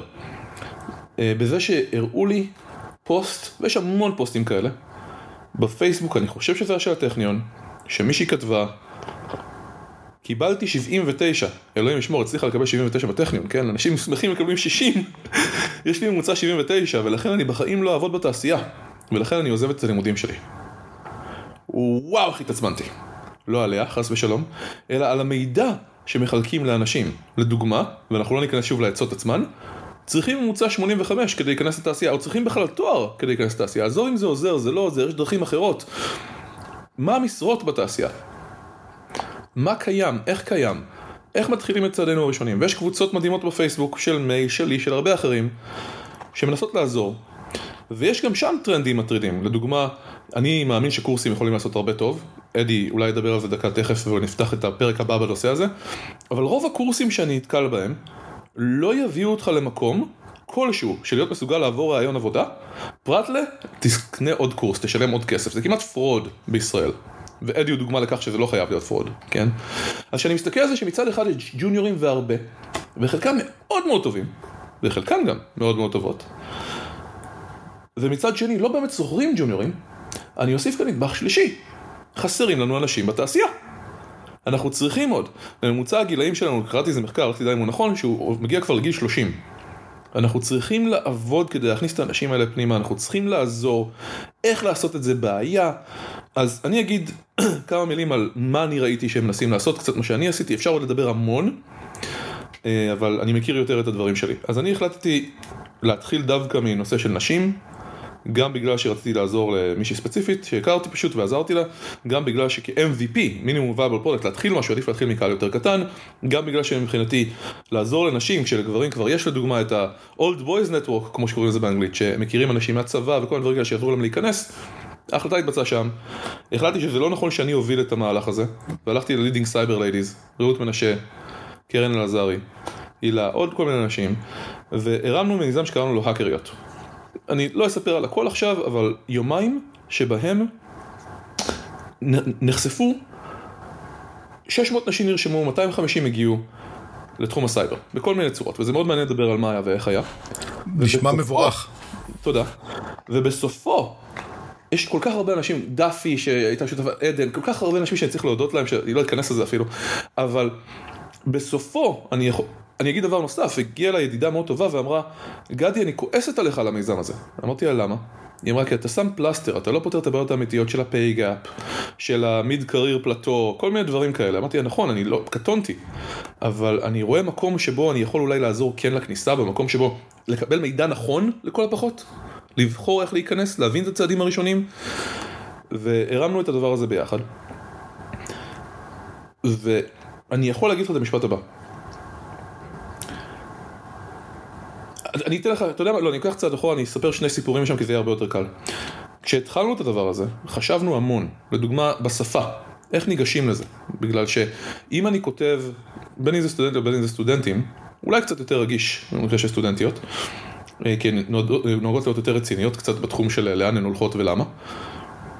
דעתי וסטטיסטיקות וכולי, לא רוצה להיכנס לזה, לא רוצה להסביר, אני מאוד זהיר כאן. אם אנחנו נכתוב את זה, זה לסטודנטים וסטודנטיות או סטודנטיות בלבד או מה שלא יהיה, אז סטודנטיות שנה ד' יגידו רגע אולי אני לא רוצה להיות שם סטודנטית שנה א', אולי זה לא מספיק טוב.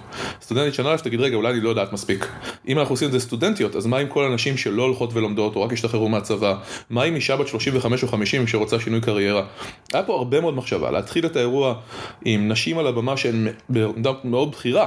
כדי שיהיו אינספיריישנל, מצד שני להגיד איזה משרות יש, להראות war stories, הנה אינסטנט ריספנס, הנה איך פורצים, להעלות הרבה אנשים על הבמה שיגידו איך הם נכנסו בשנתיים האחרונות לאירוע הזה, למחרת היום היה אבי אה, דגלן ורועי אה, גיא, המון אנשים הרימו אה, שולחנות התנסות, זה אומר אישה יושבת בשולחן לומדת רבע שעה עד חצי שעה, במשך שעתיים על בסיס זה עובדת בתעשייה. מדברים כמו open source שכל אחת יכולה להתנסות בהם, לממש אה, פריצה של ענן. ובסוף היום, ואני יכול להגיד לך שגם אנחנו בתעדוף שלנו וגם בתעדוף של אנשים שנרשמו, הנושא של HR, של ראיונות, של איך להתקבל, הוא לא משהו שתעדפנו. ובסוף היום היה one on one, ראיונות דמה עם HR. ונשים נכנסו ויצאו עם חיוך ענק על הפנים, posture הרבה יותר רגוע. כאילו שראו אותן פעם ראשונה, שנתנו להן איזה מרחק כלשהו של לכאן את הולכת, הנה איך את מגיעה לשם. שאלות כמו, אני באמת יכולה להגיד שאני לא יודעת בראיון עבודה? נשאלו ונענו. יצאה שם מישהי מסדנה על לינקדאין, והלכה ללינקדאין, פתחה account, כתבה פוסט וקיבלה עשר הצעות באותו יום. אז מה שאני בא להגיד זה ש... רק מהמאמץ הזה, שאנחנו כולנו מאוד גאים בו וגאות בו, אנחנו יכולים להגיד statement קשוח, שלא אמרתי אותו בעבר. לקחנו כקהילה אחריות אישית על נושא של הנגשת סייבר לנשים. אני לא אומר שלא יהיו פספוסים, אבל אין יותר תירוצים. אם מישהי רוצה להיכנס לסייבר, מידע יהיה זמין לה, אנחנו ננסה להגיע אליה, ולכל הפחות את השלב של ההנגשה נעשה. ובין אם זה בצד של הכתיבת מסמך, שהרבה מהתעשייה, לא יכול לקחת את קרדיט לחלוטין, כתוב ברמה של 100 אה, ימים. 100 ימים לסייבר, אני שכחתי את השם של המסמך של עצמי, כניסה לתעשייה וכולי, של 136 עמודים, זה העבודה שאני עשיתי, אבל אני יכול להגיד לך דוגמה מיי, שיושבת בקבוצות בפייסבוק כל היום, ומדברת עם אנשים, תכף תדבר על זה. אני יכול להגיד לך על אדי, שהרים קורס משמעותי, אמיתי, שהוא בוחן עליו אנשים ומכניס אותם לתעשייה. יש הרבה ניסיונות, ומה שהייתי רוצה לראות, זה איך אנחנו באמת כקומיוניטי, כקהילה, לוקחים על עצמנו אחריות בכלל, לא רק בנושא של נשים כאן, ומנגישים את זה. ואני אסיים ואומר, ש... ואם מישהו מתעניין, האקריות.org או 100 ימים לקריירה בסייבר, זה השם, אפשר למצוא בגוגל. אני אגיד ש... מציק לי דבר אחד משמעותי, בכל התחום הזה, של הכניסה לתעשייה, של ג'וניורים וג'וניוריות, וזה gatekeeping. הדבר הזה של אם אתה לא עושה את זה בדרך שלי, אם אתה לא עושה את זה בצורה הנכונה שאני רואה, אני לא אתן לך או לא אתן לך להיכנס. יש לי חבר מאוד טוב, האקר 30 שנה, מאוד תומך, אבל הוא אמר גדי, כשאני הייתי בן 12 בחרתי לא לצאת לשחק כדורגל. ישבתי ולא שיחקתי במחשב אלא עשיתי hacking ולמדתי ונלחמתי. מישהו אחר אומר, עבור הצלחה בסייבר אנחנו צריכים להילחם, אנחנו צריכים ללמוד, אנחנו צריכים להיווכח בעצמנו, אסור לנו לדלג. ואני אומר, אתם צודקים ואתן צודקות, אבל כיום אנחנו תעשייה גדולה, עשינו scaling, מישהי שיכולה לבחור להיות עורכת דין או רופאה, יכולה גם לבחור להיכנס לסייבר, להסביר קצת מה קיים, איזה משרות, זה דבר לגיטימי. לעזור את ההנגשה הראשונית עליה, הרי בכל מקרה יצטרכו להילחם, לא משנה איזה קורס ייקחו, או מה יקראו, או מה ילמדו בעצמם או בעצמן, יצטרכו להילחם ולעבוד קשה כדי להצליח בסייבר. זו תעשייה שדורשת לך ללמוד כל הזמן, או ממך ללמוד כל הזמן. גדי, בסופו של דבר, הצלחה, אני מסיים. הצלחה זה עניין סובייקטיבי. נכון, אבל אני בשוונג ואני ברנט ואני אסיים אותו. ואני אגיד ש... ה gatekeeping הזה חייב לעצור, אם מישהו נכנס לקבוצה או מישהי נכנס לקבוצה ואומרת כמה מקבלים כסף, זה לא שהם רק רוצים כסף ופתאום להגיד אה אין סיבה להיכנס לכסף לתעשייה, צריכים להיות יותר מזה, לא. אנחנו צריכים להנגיש, אנחנו לא צריכים להחליט לאנשים מי הם ומה הם לפני שהם נכנסים, זה חשוב לנו כתעשייה, זה חשוב לנו כקהילה, ואני רוצה שכולנו נהיה יותר אחראים ואחראיות לאיך אנחנו ניגשים לג'וניורים, איך אנחנו מדברים, ואיך אנחנו מנגישים את השלב הראשוני הזה. וסליחה שקטעתי אותך בקטיעה שלי, אבל הייתי בשוונג. זה בסדר, זה בסדר. אני סלחתי. גם הג'וניורים סלחו לך. מאי, את רוצה להמשיך? להגיד משהו? קודם כל אני רוצה להגיד לגדי, כמובן, שוב, ישר כוח, זה מיזם מדהים ואני עפה עליו, וסתם אני אכניס כאן סטטיסטיקה מפתיעה, שבאיחוד האמירויות רוב אנשי הסייבר, בפער זה נשים. בפער ניכר, יש כאילו... הפתעת. אני, לא אני חייב להגיד, הפתעת. אני יודעת. זה סביב ה-80 אחוז, נדמה לי, או 75 אחוז, זה הסללה מגיל סופר צעיר. הנשים הולכות לטכנולוגיה, הגברים הולכים לעסקים, כסוג של הכוונה ממש מגילאים נורא צעירים, רואים את זה, זה בכל המקצועות הטכנולוגיים. אמ, אני כן אומרת, אני עדיין, זה אגב יפה גדי שחש... שאתה אומר שאני כל היום עונה לאנשים בפייסבוק, אה, אם אני נמצאת ביום טוב עשר דקות בפייסבוק זה יום שכאילו הייתי ממש ממש פנויה בו אבל אני יודעת שככה זה נראה. יש לי תשובות מוכנות אני אגלה לכם. לא, עוד לפני ימי uh, GPT אני פשוט הכנתי את זה ואני עושה קופי פייסט כל הזמן. um, אבל זה סתם צורה לעבוד בצורה יעילה. אני אה, אכנס ואגיד שוב שאל תזלזלי בעצמך, אפילו ההבנה שלא חייבים לבוא מ-8200, לא חייבים תואר, הנה דרך לענות לאנשים, לתת להם את היחס הזה, להבין שאפשר להיכנס לסייבר, את עושה את זה כל הזמן וזה מוערך, אפילו אם זה 10 דקות ביום. רגע, רגע, גדי, יש, יש, יש אנשים שווים שלא עברו ב-8200? אתה, אתה מדבר ברצינות?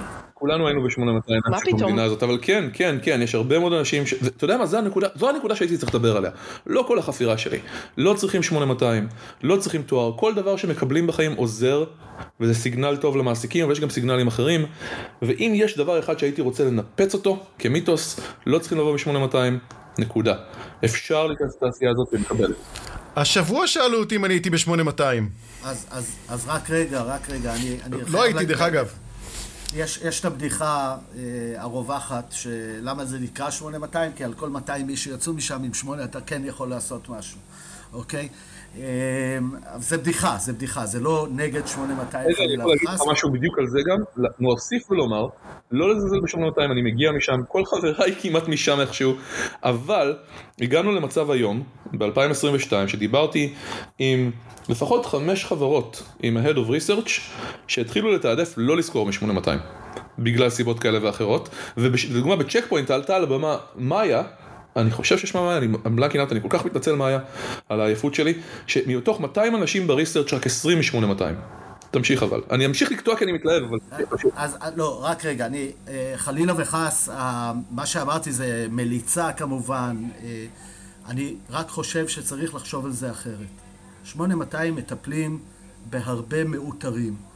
מעבר למאותרים יש המון המון אנשים עם הרבה מאוד כישרון שלא זכו להזדמנות הזאת, אוקיי? לא זכו להזדמנות הזאת, הצבא לא יכול לקחת את כל הצעירים המבטיחים ולעשות, וגם חלק מאלה שלמדו כל החיים שלהם והשקיעו בסייבר וכולי. אני חושב דווקא להפתיע אתכם ולהגיד לכם שאני רואה גם בעיה בכיוון ההפוך את הבעיה הזאת. אני חושב שבעקבות מה ש... כמו שאמרתי קודם, אה, אה, אה, פלצנות סייבר, גם צריך לעשות קצת עבודה עם השוק ועם התעשייה ולהגיד להם, חברים, אתם לפעמים מראיינים אנשים חמישה חודשים, ארבעה חודשים כדי למצוא את הבן אדם, אוקיי? ואני, ואני לא מגזים פה. יש, יש גם... צריך גם שהשוק ייתן מה שנקרא את ההזדמנויות האמיתיות, כי הרבה פעמים אני רואה מראיינים שתאמין לי, אני עם 30 שנה של ניסיון הייתי יושב ולא הייתי עונה להם על השאלה, למה? כי זה הפסיק והנקודה שהם במקרה התעסקו בו אתמול, אז הם אה, חושבים שזה נכון לשאול על זה ולעשות את זה. אני מאוד מאוד מאמין, ובכל אה, מקום שבו גייסתי, אני מאוד מאוד מאמין, כמובן בידע, צריך ידע, אבל אני גם מאוד מאוד מאוד מאמין בפוטנציאל, לבחון את הבן אדם כבן אדם. אתם יודעים כמה אנשים הם עילויים, אבל אי אפשר לעבוד איתם, וכמה אנשים שהם מה שנקרא חדשים, ותוך איקס חודש, חודשיים, שלושה חודשים, ארבע, הם נהיים עילוי שבעילויים ו- ותורמים לחברה, ואני רואה את זה יום יום דרך אגב. מאיר, את רוצה לסכם לנו את עניין הג'וניורים? אני חושבת שהדברים שנאמרו כאן הם סופר נכונים, גם של אדי וגם של גדי. אני חושבת שכן יש gatekeeping, אבל לפעמים ה gatekeeping הזה, אני גדי קצת חצויה, כי אני חושבת שצריך לתמוך במי שרוצה להיכנס לתחום, אני חושבת שצריך להיזהר מלמכור אשליות. כן, אדם בן 45 שרוצה להיכנס לתחום ולא עשה שום דבר קשור בשום תצורה שהיא לפני זה, אני לא אומרת שזה בלתי אפשרי, אבל מתוך סתם 100 אנשים בני 45 בלי שום רקע בתחום, אחד, שניים, שלושה כנראה באמת ישתלבו. כנראה שהדרך תהיה קשה, יש כן איזשהו גבול, ואני גם רואה את זה כמעסיקה. אני גם בצד של ההעסקה, כן, יהיה קשה לקחת כג'וניור מישהו בן 45. אני הייתי אותה ילדה בת 24 עם 6 שנות ניסיון, שלא ספרו אותה כי היא ילדה בת 24, והייתי יותר מנוסה מאנשים שהיו איתי בחדר, כי הייתי עם 6 שנות ניסיון רשמי, אבל עם הרבה שנים לפני זה, שהתעסקתי בעצם בתחום. אז יש כאן בעיה. לגבי ג'וניורים, אני יכולה להגיד לכם מה אנחנו עכשיו עושים בבנק. אנחנו יצרנו תוכנית לג'וניורים, אנחנו מגייסים מהאוניברסיטאות משנה א' עד שנה ג', ד', תלוי כל אחד בתואר, אנחנו מגייסים אותם, אנחנו נשמח לאנשים בעיקר שנה שנייה, שלישית. כן, אני מודה, בגלל שיש לנו יחסית שם טוב, הלכנו ל-NYU, לניו יורק יוניברסיטי, הרשינו לעצמנו מה שנקרא לבחור מהעילית. האם אנחנו מפספסים אנשים אחרים? כן, אבל אני גם אומרת, וזה אני אומרת לכל מי שרוצה להיכנס לתחום וכולי, אל תמחקו את מה שעשיתם לפני זה. תשתמשו בזה. אם היית עורך דין ונמאס לך לחלוטין מעולם, מהעולם המשפטי ואתה רוצה הסבה לסייבר ואתה בן 45, אולי תחשוב דווקא על כיוון של פרטיות ולא על incident response, כי כנראה שאם תלך על הפרטיות יהיה לך יותר קל לפחות להכניס את הרגל. אחרי זה, אם החלום שלך זה incident response, וכמובן סתם נתתי את זה כדוגמה, אז תוכל לכוון את עצמך כשאתה כבר בפנים. אל תזרוק את כל מה שיש לך, אני לוקחת את זה מדבר חכם שאבא שלי, באמת אדם חכם, אמר לי לפני הרבה שנים, אני בכלל התחלתי תואר ראשון בביולוגיה. עוד כשהייתי ב-8200 בעוונותיי, החלטתי לנצל את הזמן, להתחיל תואר ראשון בביולוגיה, כי היה נורא ברור לי שאני הולכת לרפואה. זה היה נורא ברור. ואז איכשהו התגלגלתי לעולם הסייבר, התאהבתי ונשארתי. וכשהגעתי לעולם הסייבר והשתחררתי והחלטתי שזה הכיוון שאני רוצה, תכננתי לעזוב את התואר ולעשות משהו אחר. והיה לי כבר מעל חצי תואר בשלב הזה, משהו כמו שלושת רבעי תואר בביולוגיה. ואבא שלי אמר לי, תקשיבי, אם את עוזבת עכשיו, אז אף פעם לא, מה שנקרא, אף אחד לא ידע שיש לך בעצם הרבה ידע בביולוגיה. למה? ולקחתי את העצה שלו ואמרתי, צודק, עשיתי תואר ראשון בביולוגיה וניהול, הוספתי בעצם שנה נוספת ועשיתי תואר בביולוגיה וניהול, והמון שנים לא השתמשתי בידע בביולוגיה. עד שבמקרה מצאתי את עצמי עובדת בתעשיית הביוטק, גם כיועצת ואחר כך עושה אה, ייעוץ של היפה ו-HSIP וכולי, ופתאום דווקא הידע בביולוגיה עזר לי, שאף אחד לא היה יודע שיש לי אותו אם לא היה לי את התואר. אז תשתמשו במה שכבר יש לכם. אז uh, את שמה אותנו בצלחות פטרי או משהו, או שאנחנו צריכים להיות עדיין חופשיים? בוודאי. מתחביביי. רותם, לפני שנעבור הלאה, כן חשוב לי, כי אדי לא יקדם את עצמו, הוא באמת עושה עבודה מדהימה. אדי, אולי מילה אחת על מה שאתה עושה? אנחנו נשמור את זה לפרק שנעשה את זה באופן אה, פורמלי. אני רואה שאתה לא רוצה לעשות marketing. אה, לא, לא, אני לא רוצה לעשות כרגע marketing אה, מכמה סיבות, אבל אני גם לא מוכן, כאילו, לא, לא, לא רוצה... אני כאילו אגיד כזה דבר, באחד הפרקים שהיה לנו עם אדי, הוא הסביר מה הוא עושה, ואחד הדברים שהוא דרש, לא אמר, דרש מהסטודנטים שלו, זה לא להקשיב לפודקאסט, כי אם יש להם זמן לפודקאסט, זה לא הדבר הטוב שעוד צריכים להגיד לו. כל כך לא מסכים עם אדי, בוא נריב פעם אחרת. אז אה, אם, אם יש פה סטודנטים של אדי, אני אגיד את זה שוב פעם, שמאזינים לפודקאסט שלנו, אל תספרו לו. לא, אני רב עם אדי, תיתן לי כמה שניות לריב עם אדי, בבקשה רותם. בשמחה. יאללה. אני יכול להגיד לך, סיפור. אני בעוונותיי אה, מורה לריקוד. איך הגעתי לזה? לא משנה, אני גם לא נראה בהכרח ככזה. ופגשתי הרבה מאוד אנשים מאוד מעניינים, שהיו אנשים מאוד טובים, שלא בהכרח הגיעו מהעולם שלי. וגם בגילאים שונים, מילדים וילדות שמגיעים עם ההורים ועד אנשים מאוד מבוגרים. והייתה שם סטודנטית לריקוד, בחורה מדהימה, שדיברתי איתה, והיא הפכה להיות גם מדריכה אצלנו במועדון ריקודים החינם לסטודנטים שהקמנו, ואמרתי, תקשיבי, בואי, בואי תעבדי בסטארט-אפ שלי. אנחנו צריכים קצת עזרה, אני לא מבינה כלום בסייבר, אני זה, דיברנו, הגדרנו והיא באה. וניסיתי לא ללמד אותה עכשיו, למרות שדרשתי שהדבר הראשון שתעשה זה ללמוד Python, אבל לא חייבים תכנות בשביל סייבר, זה מפחיד הרבה אנשים להיכנס לסייבר, אבל לעניין הקודם.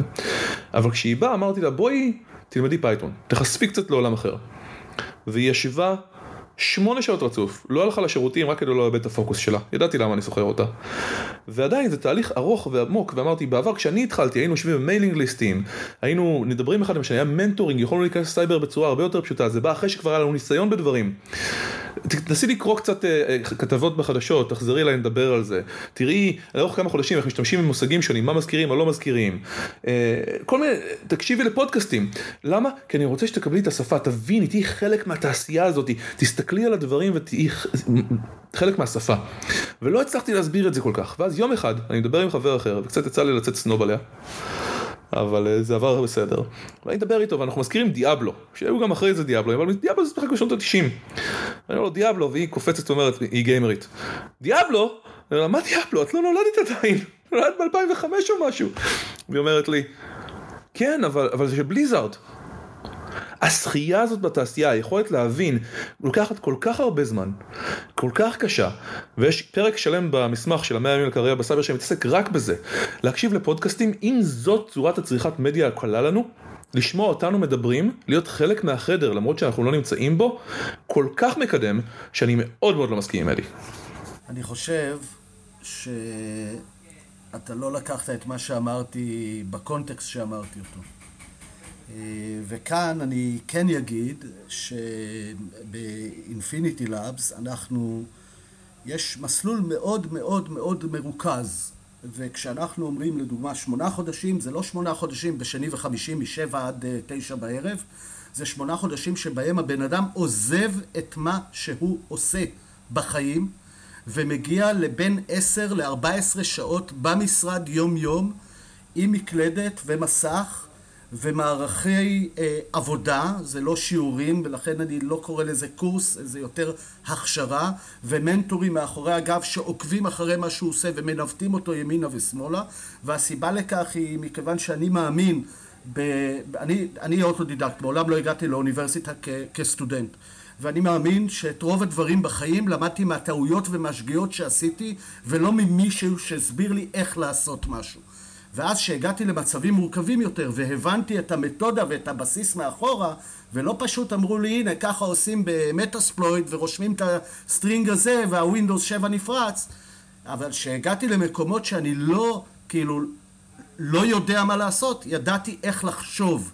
איך לחשוב סייבר, איך לחקור סייבר מה, מה העולם הרוחבי, מכל ההיבטים שלו, וזה מה שאני מנסה להנחיל אצלנו בזה. עכשיו, אני אומר, שאני דורש שהפוקוס יהיה שם.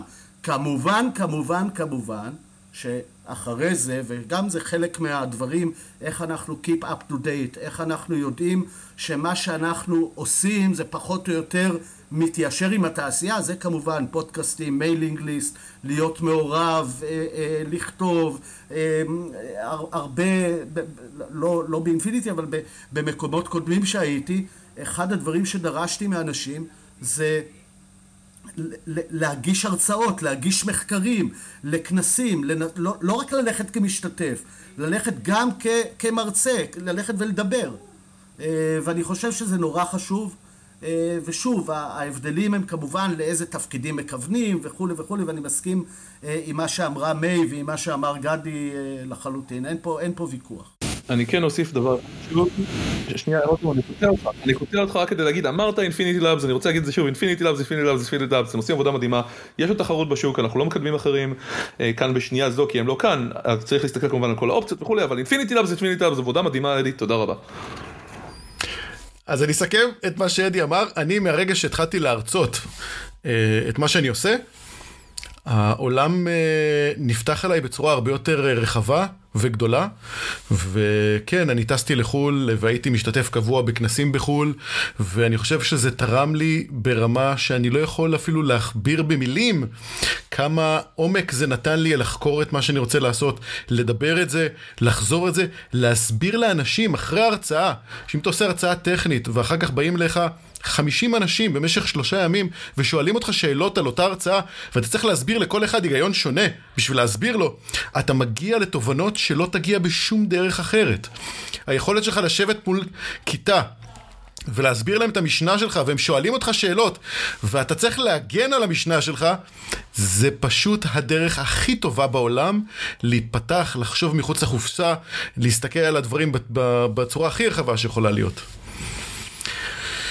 אמ, טוב, אה, הגענו לאדי. אדי, סיכום השנה שלך. המלחמה בין ענקיות המידע, החברות האופנסיביות ואפילו חצי אופנסיביות, מה שזה אומר, עלתה מדרגה השנה. יש תביעה מול NSO וכל מיני restrictions. בוא תיתן לנו את הסיכום שלך. אז אה, NSO, אני משתמש בשם שלה כדוגמה לכל מיני חברות אופנסיביות. דרך אגב, יש תביעות מול כל מיני חברות. אני לא אציין שמות כי אני לא בקיא ב... תהליך ומה מה, מה חברות פרסמו, מה הם לא פרסמו, איפה הן עומדות, ולכן אני לא אדבר על אה, חברות ספציפיות. על NSO קל לדבר כי זה כל הדברים שאני אומר מפורסמים. אני רוצה לפני כן רק להגיד דבר שמתקשר למה שדיברה עליו מיי, אה, כי זה גם קשור לנושא הזה, אוקיי? האם אנחנו דורשים מאנשים לעשות משהו שאנחנו עצמנו לא באמת עומדים בו? ובנושא של מיי אני רוצה לקחת את זה לכיוון טיפה אחר, אתם דיברתם על אנשים שגונבים להם חשבונות אה, וכולי, אני רוצה להגיד לכם, וה CISO של PayPal, אני, אני במקרה מכיר אותו, מה שנקרא, באופן אישי, עבדתי איתו הרבה שנים. אה, אני רוצה דווקא פה להגיד, לדוגמה, על PayPal, שמבחינתי זה כלו כל הקיצים. אני מכיר בשנה האחרונה ארבעה אנשים שאיבדו את העסק שלהם בגלל שהוחלט משהו לגבי החשבון שלהם ועכשיו הוא מוקפא ל-X חודשים. וגם שם לוקחים לך ועכשיו לך תוכיח. ואני יכול להגיד לכם שבמקרים מסוימים זה נאמד במאות אלפי דולרים. לשמחתי, חלק מהאנשים האלה הצליחו להתאושש בצורה כזאת או אחרת, אבל אני מקביל את זה לנושא הזה של אתה סומך על מישהו, אתה נותן למישהו את, את המידע, את הפרטים, את הכל, ואז בבוקר אחד, בום, אה, אה, אה, נחסם. נחסם בתואנות כאלו ואחרות. אני חושב שפשוט, אני לא חושב שהם רעים או משהו כזה, אני חושב שפשוט צריך להקצות יותר קשב ללקוחות שלך, כי הם הלקוחות שלך בסוף, ולתת להם טיפה יותר מהירות בטיפול. כי בן אדם שאתה סוגר לו את העסק לעשרה ימים או לשלושים יום ברור, זה יכול להיות עניין של לא פחות מאוכל על השולחן או אין אוכל על השולחן. לא, לא פחות מזה. אה, אז זה בנושא הזה. אה, בנושא של החברות האופנסיביות אני מחזיק בדעה שהיא אה, שנויה במחלוקת לכל הפחות. אני דווקא מצדד בחברות האלה. אני חושב שמה שקורה לנו בחברות האופנסיביות, אנחנו קוראים לזה, תסמו, אני קורא לזה תסמונת סיירת מטכ"ל. מה זה תסמונת סיירת מטכ"ל או תסמונת אה, שייטת 13 לאותו צורך או כל סיירת אחרת אה, מסווגת? זה שאנחנו שומעים את המקרים הבודדים שבהם היה כישלון. את המקרים שבהם היו הצלחות אנחנו לא שומעים. את המקרים שבהם הם חסכו חיים ולא אה, גרמו בצורה כזאת או אחרת עקיפה לאובדן חיים, אנחנו לא שומעים את המקרים האלה. אני חושב שמצד אה, אה, החברה שאני הכי אעשה לה באשינג במקרה הזה זה פייסבוק כמובן.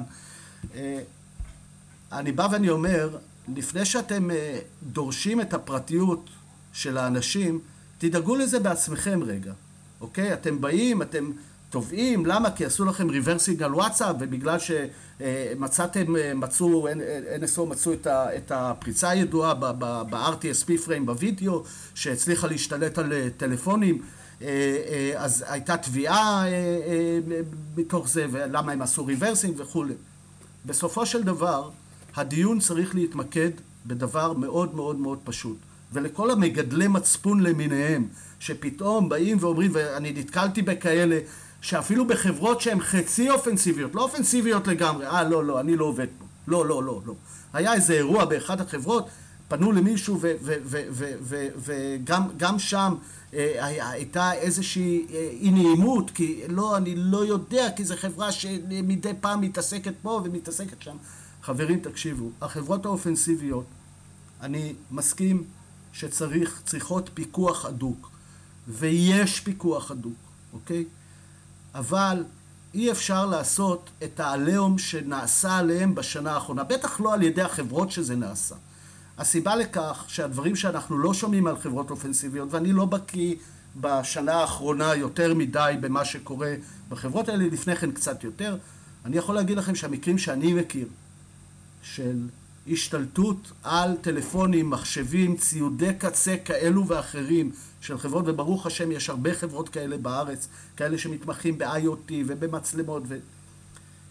הרבה פעמים יש צדדים מאוד מאוד חיוביים לפעילות הזאת. אני לא בא ואומר שאין צדדים שליליים, אני רק בא ואומר שכשאני עושה את המדידות בהתאם למה שאני יודע, אני חושב שהפרייס שאנחנו משלמים הוא לא כזה גבוה. אה, זה הסיכום שלי. אני רוצה להגיד שדווקא השנה אה, NSO אה, התחילה, התחילה אותו בצורה יפה ומסיימת אותו בצורה קצת פחות ואחד הדברים הכי יפים שקרו עם NSO זה אחד המפצים הכי טובים שקרו השנה. יצאו משם אנשים ממש ממש טובים, איכותיים, רציניים ו- ועברו לחברות אחרות ועכשיו הם תומכים בדברים אחרים ושונים. אז אולי גם זה צד חיובי. אדי, מה אתה אומר? אז מה, רותם, אתה מסתלבט עליי, כמו שאומרים. חס וחלילה, אני לא מסתלבט. אני, אומר... מסתלבט, זה, זה הצד החיובי. הצד, תראה את הצד השלילי שחברה, שחברה שהתעסקה, ודרך אגב מפרנסת לא מעט מאנשי הסייבר שנמצאים פה, אה, לא, לא פה בדיון, אבל מפרנסת, בוא נגיד, תורמת תורמת המון לעובדה שמתקשרים אליך רותם ואומרים תקשיב התקנתי PLC בוא תגיד לי איך אני אגן עליו נכון? ותורמת לזה שמתקשרים אליי ואומרים לי תקשיב אני חייב להגן על דבר כזה או אחר וכולי וכולי וכולי. אבל לבוא ולהגיד שתראה מה עשו מהחברה, החברה הצטמצמה, היא נמצאת בקשיים, יש עליה restrictions, ומי, מי אם לא פחות, מי אם לא פייסבוק, מגנת איך אומרים? מגנת הצדק, פייסבוק הגדולה, מגנת הצדק הגדולה. זאת שמפרסמת לך צמיד ב-25 דולר שמקרין לך את האייפון, את, ה, את האייפון או את האנדרואיד על היד. אתה מכיר את הפרסומות שרצים שם? הרי רצים שם סכמים מפה ועד הודעה חדשה. הם יודעים שזה סכם, פשוט משלמים להם כסף. חלק מה-revenue של פייסבוק מגיע מהונאות של אנשים... אבל אדי, אני מקבל מה שאתה אומר, אבל בסופו של דבר אתה מסתכל על מה שקרה. NSO זה מקרה, אני חייב להגיד, ברמת, ברמה אישית ישראל, ישראל, ברמה של חברה ישראלית זה מקרה עצוב, אמיתי עצוב. אבל גם מפה יש תקשיב, יש חברות אחרות שעכשיו יכולות לקבל אה, אנשים כישרוניים שלא היה סיכוי בעולם שיגיעו אליהם. אני רואה את זה בתור יתרון. נכון, החיסרון ב-NSO, אבל הרבה חברות אחרות מקבלות עכשיו דברים. יש אולי סטארט-אפים חדשים שעכשיו נפתחים בעקבות אנשים שיוצאים מ-NSO? אני חושב שב-NSO היה להם כמות של אנשים כישרוניים בצורה בלתי רגילה, וזה שהם מתפזרים טיפה בשוק, זה רק יעזור לשוק שלנו להתפתח ולה, ולהתרחב. כן, אני מסכים. אני רק מדבר על הכיסוי התקשורתי וגם אה, אה, של חלק מתעשיית הסייבר, שפשוט עשה עליהם עליהום, כאילו יש רק צד אחד למטבע הזה, כאילו אין משהו אחר למטבע הזה, אה, כאילו שהאנשים האלה שדיברו לא תרמו בצבא בצורת... זאת אומרת, אני אמרתי פעם משפט ששילמתי עליו מחיר כבד, אמרתי אה, אה, לכל אותם יוצאי יחידות, תזכירו לי מתי גדל לכם מצפון פתאום שאתם ככה מדברים. אה, אני חושב שאם מסתכלים על זה באמת בצורה אובייקטיבית, ואני באמת מסתכל על זה בצורה הכי אובייקטיבית שיש, אני מסתכל על הצדדים החיוביים שהצד האופנסיבי נותן, ועל הפאשלות שקורות כתוצאה מאשמה של גורם כזה או אחר, אני לא נכנס למי אשם בכל מיני אירועים שקרו, אני חושב שאין ברירה אלא שיתקיימו כאלה חברות, הן גם מפרנסות דרך אגב את השוק, תורמות לגידול בשוק הזה, זה אחד. ומבחינת ביטחון העולם, אני אומר לכם שלדעתי העולם הרבה יותר בטוח כשחברה כמו NSO עושה את מה שהיא עושה, מאשר שחברות יפסיקו לעשות את זה, או שתהיה על זה רגולציה קשה מדי, כך שהיא לא תהיה כלכלית. תודה רבה, אדי. תודה. אמ, טוב, אני חושב שנעשה איזשהו בריף מאוד מאוד קצר, באמת קצר. לא, לא, לא, אני לא מסכים, אני לא מסכים. לא, לא, לא, רגע, רגע, אתה לא מסכים על מה? אני לא מסכים שאנחנו נעבור הלאה. אוקיי. הנה אחד ממגדלי המצפון, למרות שקשה לי, מה אתה רוצה להגיד? אנחנו רק מילאנו פקודות. לא? סליחה. לא, לא שמעתי מה אמרת. אמרתי שרק מילאנו פקודות. אאוץ', אהבתי. אני התחלתי להגיד... סליחה, סליחה, הייתי חייבת, סליחה. זה בסדר, אהבתי ממש. ספר לי עוד על עצמי, עדי. אני מגדלי המצפון ו... לא, לא, אני צחקתי, גדי, כמובן. אתה צריך לקחת את הדברים שלי בציניות, אה, אבל לא את הדברים שאמרתי על אנסו, את המשפט הזה. גם על הסייבריסט פלצן זה היה בציניות, אבל אני אשמח לקבל... אני אשמח לקבל את הסטיקר הראשון. אדי, אני... גדי. איך ציניות נשמעת? אני מאוד נעלבתי ממך, אדי. גדי, כדי להיעלב ממני, אנשים יודעים שבשביל להיעלב ממני צריך לעמוד בתור, אתה יודע. אז אני רוצה, אני רוצה אה, לנצל את הזמן, מקסימום לפרק את הפרק לשניים, רותם תזרום. אמ, אני רוצה להתחיל מלתמוך באדי. מה זה אומר לתמוך באדי? אחד, אני חושב שהוא לא משתמש בטיעונים הנכונים, כי הטיעונים שלו מלאים בלוג'יקל פלאסיס, what about, what aboutism, זה לא NSO, תסתכלו על פייסבוק, אתם נותנים את התביעה שלכם אה, הברית, אז למה שלא תעשו מאגר ביומטרי? אופס, הלכתי לכיוון אחר. אז יש פה טיעונים חשובים, לדוגמת טיעונים שעולים, שאני לא יודע אם הם נכונים, זה שוואלה, כל מדינה מוכרת דברים, ואם זה לא אנחנו זה אחרים, ולארצות הברית כואב שזה אנחנו. יש טיעונים יותר חזקים מזה, כמו לדוגמה, שעזוב הצלת חיים או דבר אחר, העולם האופנסיבי יקרה לא משנה מה. והוא צריך לקרות, אני גם מאמין אישית. יש לי הרבה טיעונים חזקים לצור... למה שאדי אומר, אבל בבוטום ליין יש פה אחריות. זה לא שאתה מוכר אקדח, או אתה מוכר מטוס, כן, כי זה סחר בנשק בסופו של דבר, ואתה אומר, סיימתי את שלי. לא. אתה מוכר משהו שניתן להשתמש בו בהרבה מאוד סיטואציות. אין לך באמת שליטה על איך ישתמשו בו, זה דאטה, הוא יכול להתפשט בצורה מאוד חזקה. הכלים האלה ב proliferation, כמו שמשתמשים בעולם של נשק גרעיני, הם יכולים להגיע להרבה מאוד מקומות שאתה לא בהכרח תומך בהם, תלוי איך הכלים האלה נבנים. אתה לא באמת מנטר ויכול לנטר או יכול לדרוש לנטר כנגד משתמשים בהם. יש פה הרבה בעיות אינרטיות בארכיטקטורה שלהם, במוצב, במקום האתי של איך משתמשים בהם, בזה שבכלל מייצרים אותם בצורה שמייצרים אותם, מוכרים אותם שמוכרים אותם, ואני רוצה לא להסכים עם אדי.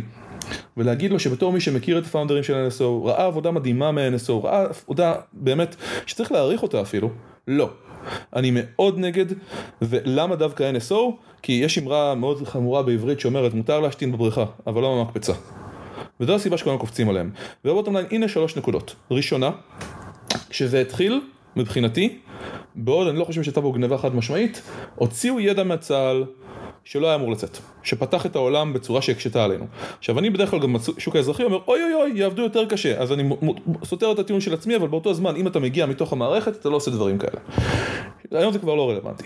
שתיים, אם אתה נתפס על משהו, וכמו שאמרת, כמו סיירת מטכ"ל, יודעים רק על הטעויות, והטעויות האלה הן על עיתונאי שנרצח, יודע מה, עושים פה משהו אינהרנטי לא טוב, חמור מאוד, ואני לא רוצה לדעת על כל הדברים, או שאני כן רוצה לדעת על כל הדברים שלא נתפסו, ועל פי איזה אמות מידה אתיות הם עובדים. ושלוש, אני חושב ש... כן, יש הרבה הצטדקות בשוק, המון הצטדקות בשוק, ויש הרבה דברים שאנחנו לא מסתכלים עליהם, אבל בסופו של דבר, אני אישית כבן אדם, בשוק הזה, מרגיש בושה שככה הוא מתנהל. ואני לא נגד השוק האופנסיבי, אפשר לדבר עליו בהזדמנות, אבל אני מרגיש בושה שככה הוא מתנהל, ואני מרגיש ממש מוטרד, עמוק, שזה הדברים שאנחנו מגלים ואין על זה רגולציה כמו שצריך בשלב זה. אני יכול להמשיך לפתח ציונים, אבל בוטום ליין, אדי, אוי אוי אוי! זה ממש נשמע לי כמו אוי אוי אוי הטיעונים שלך, תעבוד קצת יותר טוב, מה נסגר איתך? אני אגיד שבסופו של דבר אני מעדיף שזו תהיה חברה ישראלית מאשר חברה אמריקאית, אירופאית, אסיאתית, אה, סינית, אה, אפריקאית, you name it. אני מעדיף שהחברות האופנסיביות יהיו ישראליות. בוא אנחנו נעבור על החוק ונעבור על האתיקה, בוא אנחנו נעשה את זה. רק רגע גדי, אז אני אסביר. ש... ואמרתי בתחילת דבריי שאני לא, לא, לא יכול לדבר על uh, השמות של החברות, אבל NSO זה לא המקום היחיד. אני רוצה להזכיר שפייסבוק יצאו במבצע נגד כמה חברות, סגרו אבטארים של אוסינט אה, אה, השנה, אה, נתנו, עשו כל מיני דברים לסגור, כל מיני אנשים שהם יודעים שזה מה שהם עושים, הם יודעים שמזה הם, אה, לא רוצה להגיד מתפרנסים, אבל אה, אפילו ברמה האתית, זאת אומרת, זה, זה הבסיס אדי, של הדבר אדי, גם טוויטר סגרו, אז מה, בוא, ככה זה עובד. ככה זה עובד. מישהו אמר שאני אה, נותן אה, כאילו קודוס אה, או טאמס אפ לטוויטר? גם לינקדין סגרו, כולם לא רוצים אותם, אז מה? זה המלחמה בסופו של דבר איתם. אבל זאת מלחמה שצריך להבין שאם אנחנו לא נשים עליה יד עכשיו ונגביל את מה שאפשר ואת מה שאי אפשר לחברה כזאת לעשות, או ברמת רגולציה גם לחברות האלה, אוקיי? שייתנו את הדין ואת החשבון.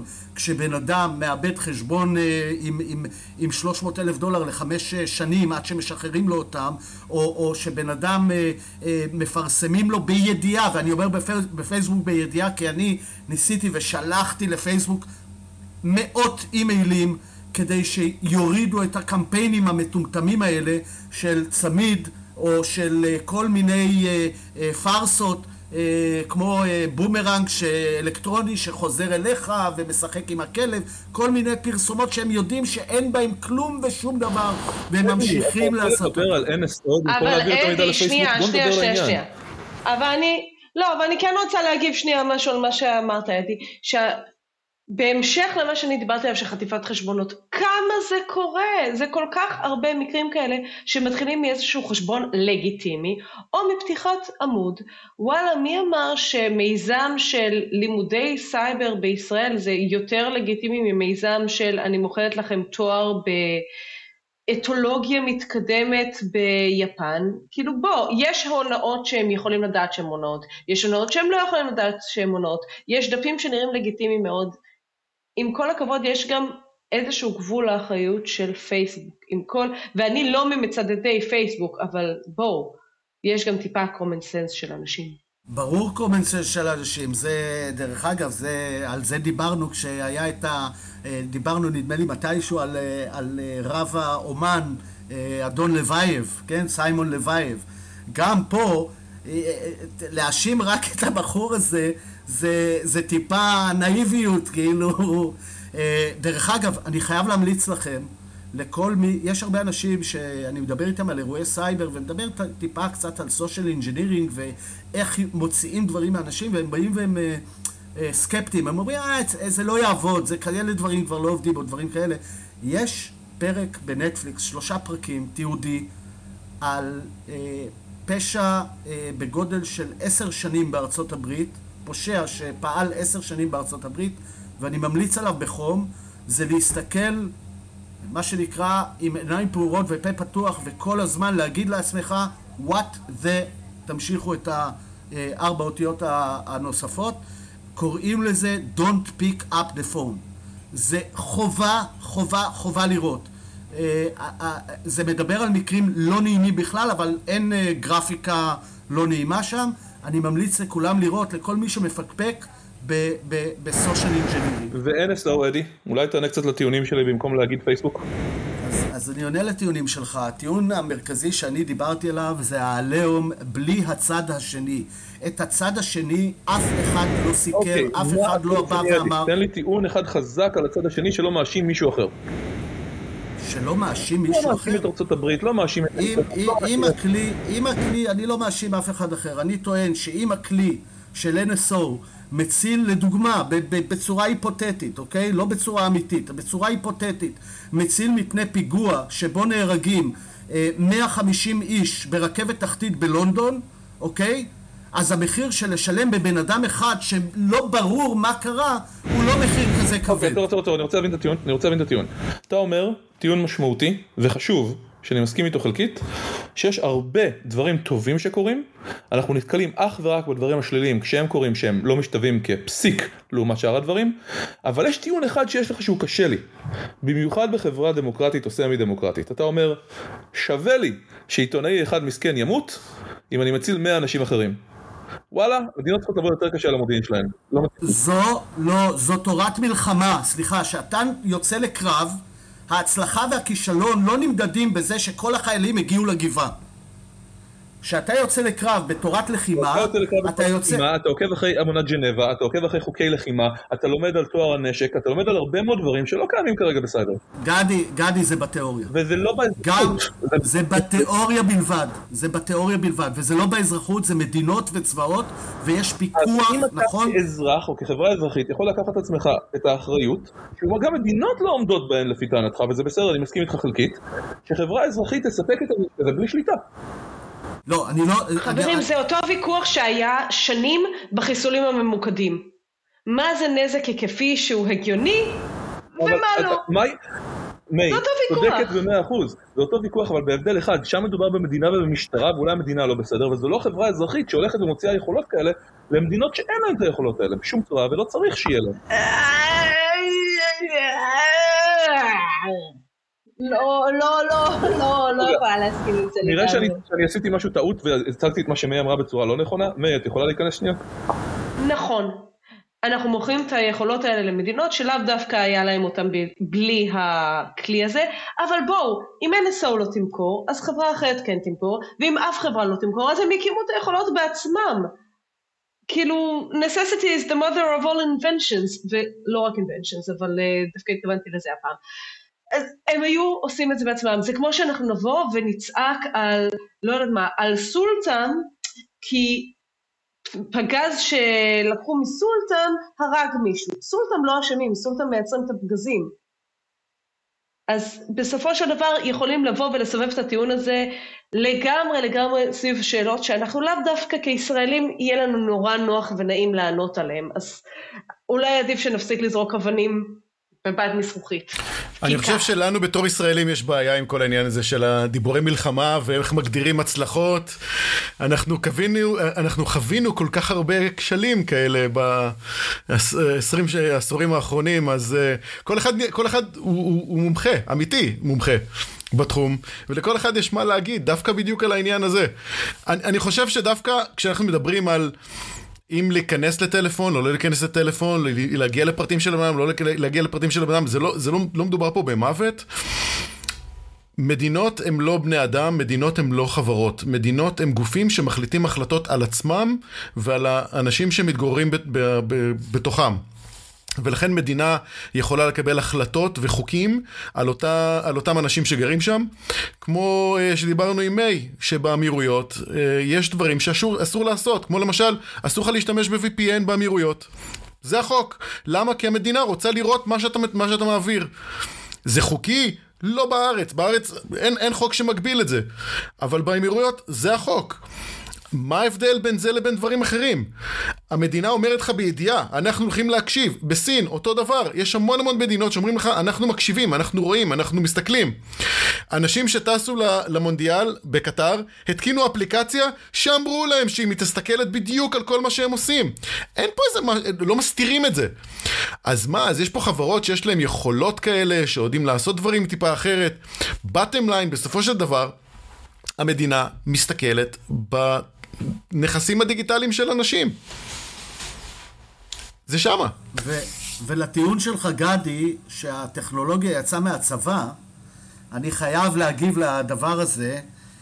אני חושב שאנחנו חייבים את התודות לתעשיית ההייטק הישראלית, אוקיי? בראש ובראשונה לצבא ההגנה לישראל, כי רוב החברות הגדולות, הענקיות, המוכרות, יצאו, ולא לא רוצה להגיד את המילה שאתה השתמשת בה, אבל אני כן אשתמש, השאילו טכנולוגיות צבאיות והחצינו אותם לאזרחות. זה הכול. חבר'ה, פיירול, הדבר הכי בסיסי שאנחנו מדברים עליו, נלקח מצבא ההגנה לישראל. מי? גיל? גיל לקח מצבא ההגנה לישראל? הוא גיל לא ומריוס, לקח, באמת? הוא לא לקח, גדי על השיחה, הוא השאיל. אני, אני, אני, אני אתקשר, אני אשאל אותו עוד יש לו עדיין את הפתק של הספרייה, הוא עוד- עוד לא החזיר את הספר. כשאני יצאתי מהצבא, אני חושב שיש ספר שלא החזרתי, אבל הנשק הוחזר. יש איזה פרק בסיינפלד על uh, ספר, uh, זה, אני ממליץ על הפרק הזה, על, על זה שג'רי חייב, uh, אני לא יודע, מגיע אליו הספרן אחרי 15 או 20 שנה ו- ודורש את הקנס על הספר. למען הסר ספק, זה היה ספר בלמ"סי לחלוטין, שפשוט שכחתי להחזיר, ואני אחזיר אותו ליחידה באיזושהי הזדמנות בעתיד. איזה כיף שעדיין עושים מילואים, מה שנקרא. אני חושב שאפשר אה, להגיע רגע ולקחת בשנייה רגע מה אתם אומרים שיקרה ב-2023, השנה שהתחילה לנו עכשיו, בפועל. אה, נתחיל ככה לפי הסדר. מיי, מה את אומרת? תני לנו בכמה מילים. מה, מה האירועים הגדולים שנראה לך שיהיו? בהקשר של הטכנולוגיה אני חושבת שלאו דווקא צ'אט GPT, אבל אני חושבת שנראה כלים משנים את העולם, נכנסים יותר למיינסטרים. אני חושבת שנמשיך לראות פריצות, זה שום דבר לא ישתנה. אה, ככה שאני לא אופטימית בהקשר הזה, זה הדברים שאני יכולה די להתנבא עליהם. אני כבר נזהרת, אני כל שנה מתנבאה, וכל שנה אני מגלה שכאילו הנבואות שלי, או שהיו יותר גרועות ממה שניביתי, או שכאילו, זה, אז, אז אני פוחדת להתנבא. אני פשוט פוחדת להתנבא כבר. אבל אני נוטה לחשוב שאנחנו, כן, נראה הרבה דאטה ליקס. זה בסדר. גדי, מה אתה אומר? אני חושב שגדי מכולנו יש לו, גדי מכולנו יש לו איזשהו מקום מאוד מאוד ייחודי, שהוא מדבר עם המון המון המון סיסואים, יש לו המון המון זמן אה, להסתכל על שווקים, להסתכל על טכנולוגיות, להסתכל על דברים, הוא עובד ב, במקום די מרכזי, אז גדי בוא תגיד לנו אתה, שנה הבאה, מה, מה יהיה לנו? כל דצמבר בערך, יש את ה... אני אוהב מימס, ויש את המים הזה מ-Game of Thrones שרואים uh, Winter is coming, או Prepare yourselves, או משהו Winter is coming. Prepare yourselves, uh, annual uh, predictions are coming, כל חברה אפשרית בעולם. ואתה יודע מה, אף פעם לא צדקתי גם כשניסיתי לנבא את זה. די ברור שיהיה לנו עוד ransomware, ודי ברור ש-EDR ימשיך לעשות עבודה טובה ולאט לאט, uh, למרות שטכנולוגית הוא לא כזה חזק, ותמשיכו לעקוף אותו וילכו ל-third parties וכל מיני דברים אחרים, ותסתכלו יותר על ה-cloud ועל SaaS, אפשר לדבר על המון דברים שרואים כבר נכנסים כרגע. אה, אבל אתה יודע מה? הנבואה שלי זה ש... עזוב שהנבואה ניתנה לשוטים, מהתנ"ך וכולי, אני חושב, תמיד אמרו לי, לא בדקתי. יש אה, משהו שאני מרגיש כאיש security לאורך השנים, הוא יותר פילוסופי. יש את קסנדרה, המיתולוגיה היוונית. וכל פעם שאני חושב על עצמי כאיש security, מנסה לשכנע אנשים במה שאני יודע שהולך לקרות, יתקפו אותנו, יעשו לנו, בואו נכסה את הדבר הזה שכבר תוקפים אותו עשר שנים. וכמו קסנדרה, היא ברוכה בנבואה, אבל גם קוללה בזה שאף אחד לא יאמין לה. וזאת הנבואה שלי, it will still be the same, גם אם טכנולוגיות חדשות ייכנסו ועדיין אנחנו נדפוק את הראש בקיר. קוראים לזה SSDD. מה זה SSDD? אה, same, same, same day. shit different day. אה, טוב, אדי, אולי אתה תיתן לי איזה הצהרה מעניינת לשנה הבאה? אני אתן לך הצהרה, מדויקת, הנה, תרשום, mark my words, אוקיי? פתחתי את הבאה- זה, תגיד, יאללה, אני רושם. אני, אני, אני מוקלט בכל מקרה, בשנה הבאה יהיה מעניין, זה מה שאני רוצה להגיד. ה- הסיבה לכך, יש כמה סיבות למה יהיה מעניין. אה, אחד, בגלל מה שאמרה מיי, אה, שאנחנו רואים טכנולוגיות שהן היו בגדר לפחות מבחינתי, שאני מסתכל עליהן, אני באמת אומר, תקשיב, מבחינתי זה מדע בדיוני. זה ממש מדע בדיוני קורה פה. וגדי הוא פריק של מדע בדיוני, נכון? רק פריק. מגה פריק. גם כותב. אובר פריק, סליחה, הוא אומר אובר פריק. בוא פשוט נקרא לי גיק ונעבור הלאה, אבל... אה, אז זה אחד, אני בפעם, זה אחת מהפעמים, ה ChatGPT ודומיו, כל מיני ה-AI למיניהם, אני מסתכל ואני אומר, כאילו, אם זה באמת ייכנס למיינסטרים בשימושים כמו שהוזכרו פה, זה לא פחות ממשנה חיים, ודרך אגב, אם הדברים החיוביים של הדבר הזה, אם למדנו משהו ממהפכת הטלפון, הפלאפוניה והטלפוניה, צריך גם להתכונן לדברים השליליים שמגיעים עם הטכנולוגיות האלה. כל טכנולוגיה מביאה את הצד חיובי, אבל מצד שני השינוי הזה, אה, הרבה פעמים אנחנו אומרים, מה הבעיה? זה עוזר לנו, ואנחנו מתעלמים מהיבטים אחרים שלגמרי דופקים אותנו. זאת אומרת, היום יש מחקרים על ילדים עם טלפוניה, ילדים עם טלוויזיה. אני בזמנו, מה היה? היה ריצ'ראץ' וזהו זה. היום ילדים יכולים, אתה יודע, אין שעות מספיק ביום כדי לראות את, ה, את התוכניות שהם אה, מסתכלים עליהן. אז אני חושב שיהיה מעניין, גם בהיבט, אני חסיד מאוד של, גם של העניין המתודולוגי, לא רק העניין הטכנולוגי, ולראות איך הדברים משפיעים על אנשים, איך אנשים מגיבים לדברים, ומקווה שיהיה מעניין, ומאחל לכולם אה, שנה אזרחית אה, מוצלחת. כן, בהחלט אפשר להגיד שנה אזרחית מוצלחת. אני רוצה להרים שנייה למי, כי בסוף התוכנית קצת אדי ואני השתלטנו ורבנו אחד לשני והיה כיף. אני חושב שאחד הדברים שמשתנים היום בעולם הסייבר זה העולם המתודולוגי כמו שאדי כרגע הרים. דוגמה, Crisis Management, עולם שהוא לא רק incident response טכני, כל מיני נושאים של מתודולוגיות ודברים, ומי הייתי אומר מומחית בינלאומית לנושא. ולא בטוח שאם זה או לא, אבל אני רוצה כן לזרוק אלייך את הכדור כהתנצלות מסוימת שהשתלטנו על הסוף ולראות אם יש לך משהו שם שאת יכולה אה, לדבר עליו. למה השתלטתם? אני נהניתי. אל תשכח שאצלי כבר מאוחר, והייתי כל היום עם הילדים בלגולנד וזה, אז נתתי לכם להשתלט בכיף. ונהניתי נורא. זה לא באג, זה פיצ'ר. בדיוק. תמיד. יש, יש, יש, יש משפט אחר. אתה, אתה, אני, אני לא נעים לי להגיד אותו פה בשידור, אתה תחליט אחר כך אם לערוך אותו או לא, אוקיי? יש, יש משפט בקבוצות פיתוח שאומרים, תגיד לי, זה באג בדיזיין? או זין בדיבאג. אני חושב שב-PG-13 האמריקאי מותר להגיד את ארבע פעמים שיט ופעמיים fuck או משהו כזה, אבל בואו לא נגזים יותר מדי ונכבד את זה. הנה, כבר קיצצת את זה בחצי, אתה מבין? מותר להגיד, יש מספר מילים שאסור להגיד, יש כמות של מילים, אבל יצאנו מה... מה שרותם רוצה שנעשה. אני חושב שהשתלטנו לו על הפודקאסט. נמצא את ה loophole המשפטי. טוב, אז, אה, אז אני רוצה קודם כל לאחל לכם אה, שנה אזרחית אה, חדשה, שתהיה, תבוא לכם בטוב מה שנקרא, בלי הרבה הפתעות רעות או הפתעות מיוחדות, או פרסומים שאנחנו לא רוצים לקבל. שנה שתהיה משמעותית, באמת משמעותית.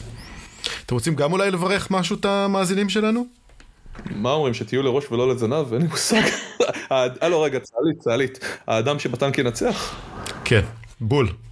שתהיו לג'ינג'ר ולא ל bread. אה, לא? זה כן. לא מה שאנחנו אומרים בחג הזה? אז אני מאחלת לעצמי, אני יכולה להגיד רגע, אני מאחלת לעצמי ואני מציעה שכל אחד יאחל לעצמו. לי הייתה שנה של שינויים. היה לי שנה שהבנתי שבאיזשהו שלב אני עושה רילוקיישן, עשיתי רילוקיישן, זה קרה הרבה אחרי ש... תכננתי במקור, התחלתי לעבוד בבנק באיחוד האמירויות, אה, שיניתי, בגדול שיניתי כמעט את כל מה שידעתי, כאילו כמעט כל מה שהייתי, שידעתי בדצמבר 2021 השתנה עד דצמבר 2022. אז אני מאחלת לעצמי שהשנה הקרובה תהיה מלאת הפתעות חיוביות, כמו שהייתה השנה, רק עם טיפה יותר יציבות. זה מה שאני מאחלת לעצמי. אני אשמח לשמוע מה אתם מאחלים לעצמכם השנה. גדי? אני חושב שאני מאחל לעצמי להמשיך עם ההוביז האמיתיים שלי. לא המדע הבדיוני והריקודים וכל הדברים האלה, אלא התפתחות אמ, עצמית, ריליישנשיפס אמ, עם אנשים, אסטרטגיה, זה, זה הדברים שהופכים אותי למי שאני ולהמשיך לגלות את עצמי. ולעולם סביבנו, שהוא מאוד מעניין ואנחנו לא יכולים באמת לחזות אותו כמו שראינו מקודם, אני uh, מאחל שלפחות uh, יהיו אנשים נכונים בחדר הנכון כדי לעבור את הדברים הבאים, the room it happens לחובבי המילטון, כדי לדאוג לכך ש... לא סמארטר אבל uh, more calmer minds, אנשים יותר רגועים שמוכנים לעבוד. עבור, או, oh, אני יודע, יש לי את זה. אני רוצה שיהיו יותר אנשים שלא משנה מה דעתם או איפה הם יושבים על הספקטרום הפוליטי, יהיו שם על מנת לעשות את העבודה וינסו לכל הפחות לעבור תהליך נכון של קבלת החלטות בדרך. וואו, אהבתי. אז אם גדי דיבר על אנשים רגועים, אז זה הזמן שלי להיכנס, כמובן, נכון? זה בדיוק ה-Q, עכשיו. אז זה בדיוק ה-Q של האנשים הרגועים. אז אני אגיד את הדבר הבא. NSO, אדי, כן, רציתי להגיד לך משהו על NSO. אה, כן, משהו כזה. אז אני מאחל לעצמי לעשות, להמשיך לעשות את מה שאני עושה היום. אני נורא נהנה, זה נורא מספק אותי. זה אחד. אני מאחל לעצמי לא לאבד את המקלדת לעולם. אוקיי? את כישורי המקלדת, זה מאז ומעולם היה נר לרגליי. יש אנשים שלפעמים אני מתקשר אליהם ומתייעץ איתם על כל מיני דברים, והם אומרים, תגיד לי, אין לך מה לעשות, כאילו, אין לך מה לעשות בשלב הזה. ואני מאוד מאוד נהנה מזה. אני חושב שזה הופך את הסייבר באמת לנושא מרתק ומעניין. וזהו, ומאחל לכולכם שנה טובה ובריאות ואושר וחיים ארוכים וכולי וכולי וכולי. ונובי גוד שם ושמח, מה שנקרא, אנחנו בישראל, אז צריך להגיד נובי גוד. נובי גוד. אז אה, תודה רבה לכולם. מיי ברוקס, גדי עברון, אדי הררי. ושלא תדעו data breaches. ושלא תדעו data breaches. גם את זה נשים על חולצה. אה, כן, העורך שלנו זה בועז פירסט. אני הייתי רותם בר, ונתראה בשבוע הבא. יאללה ביי.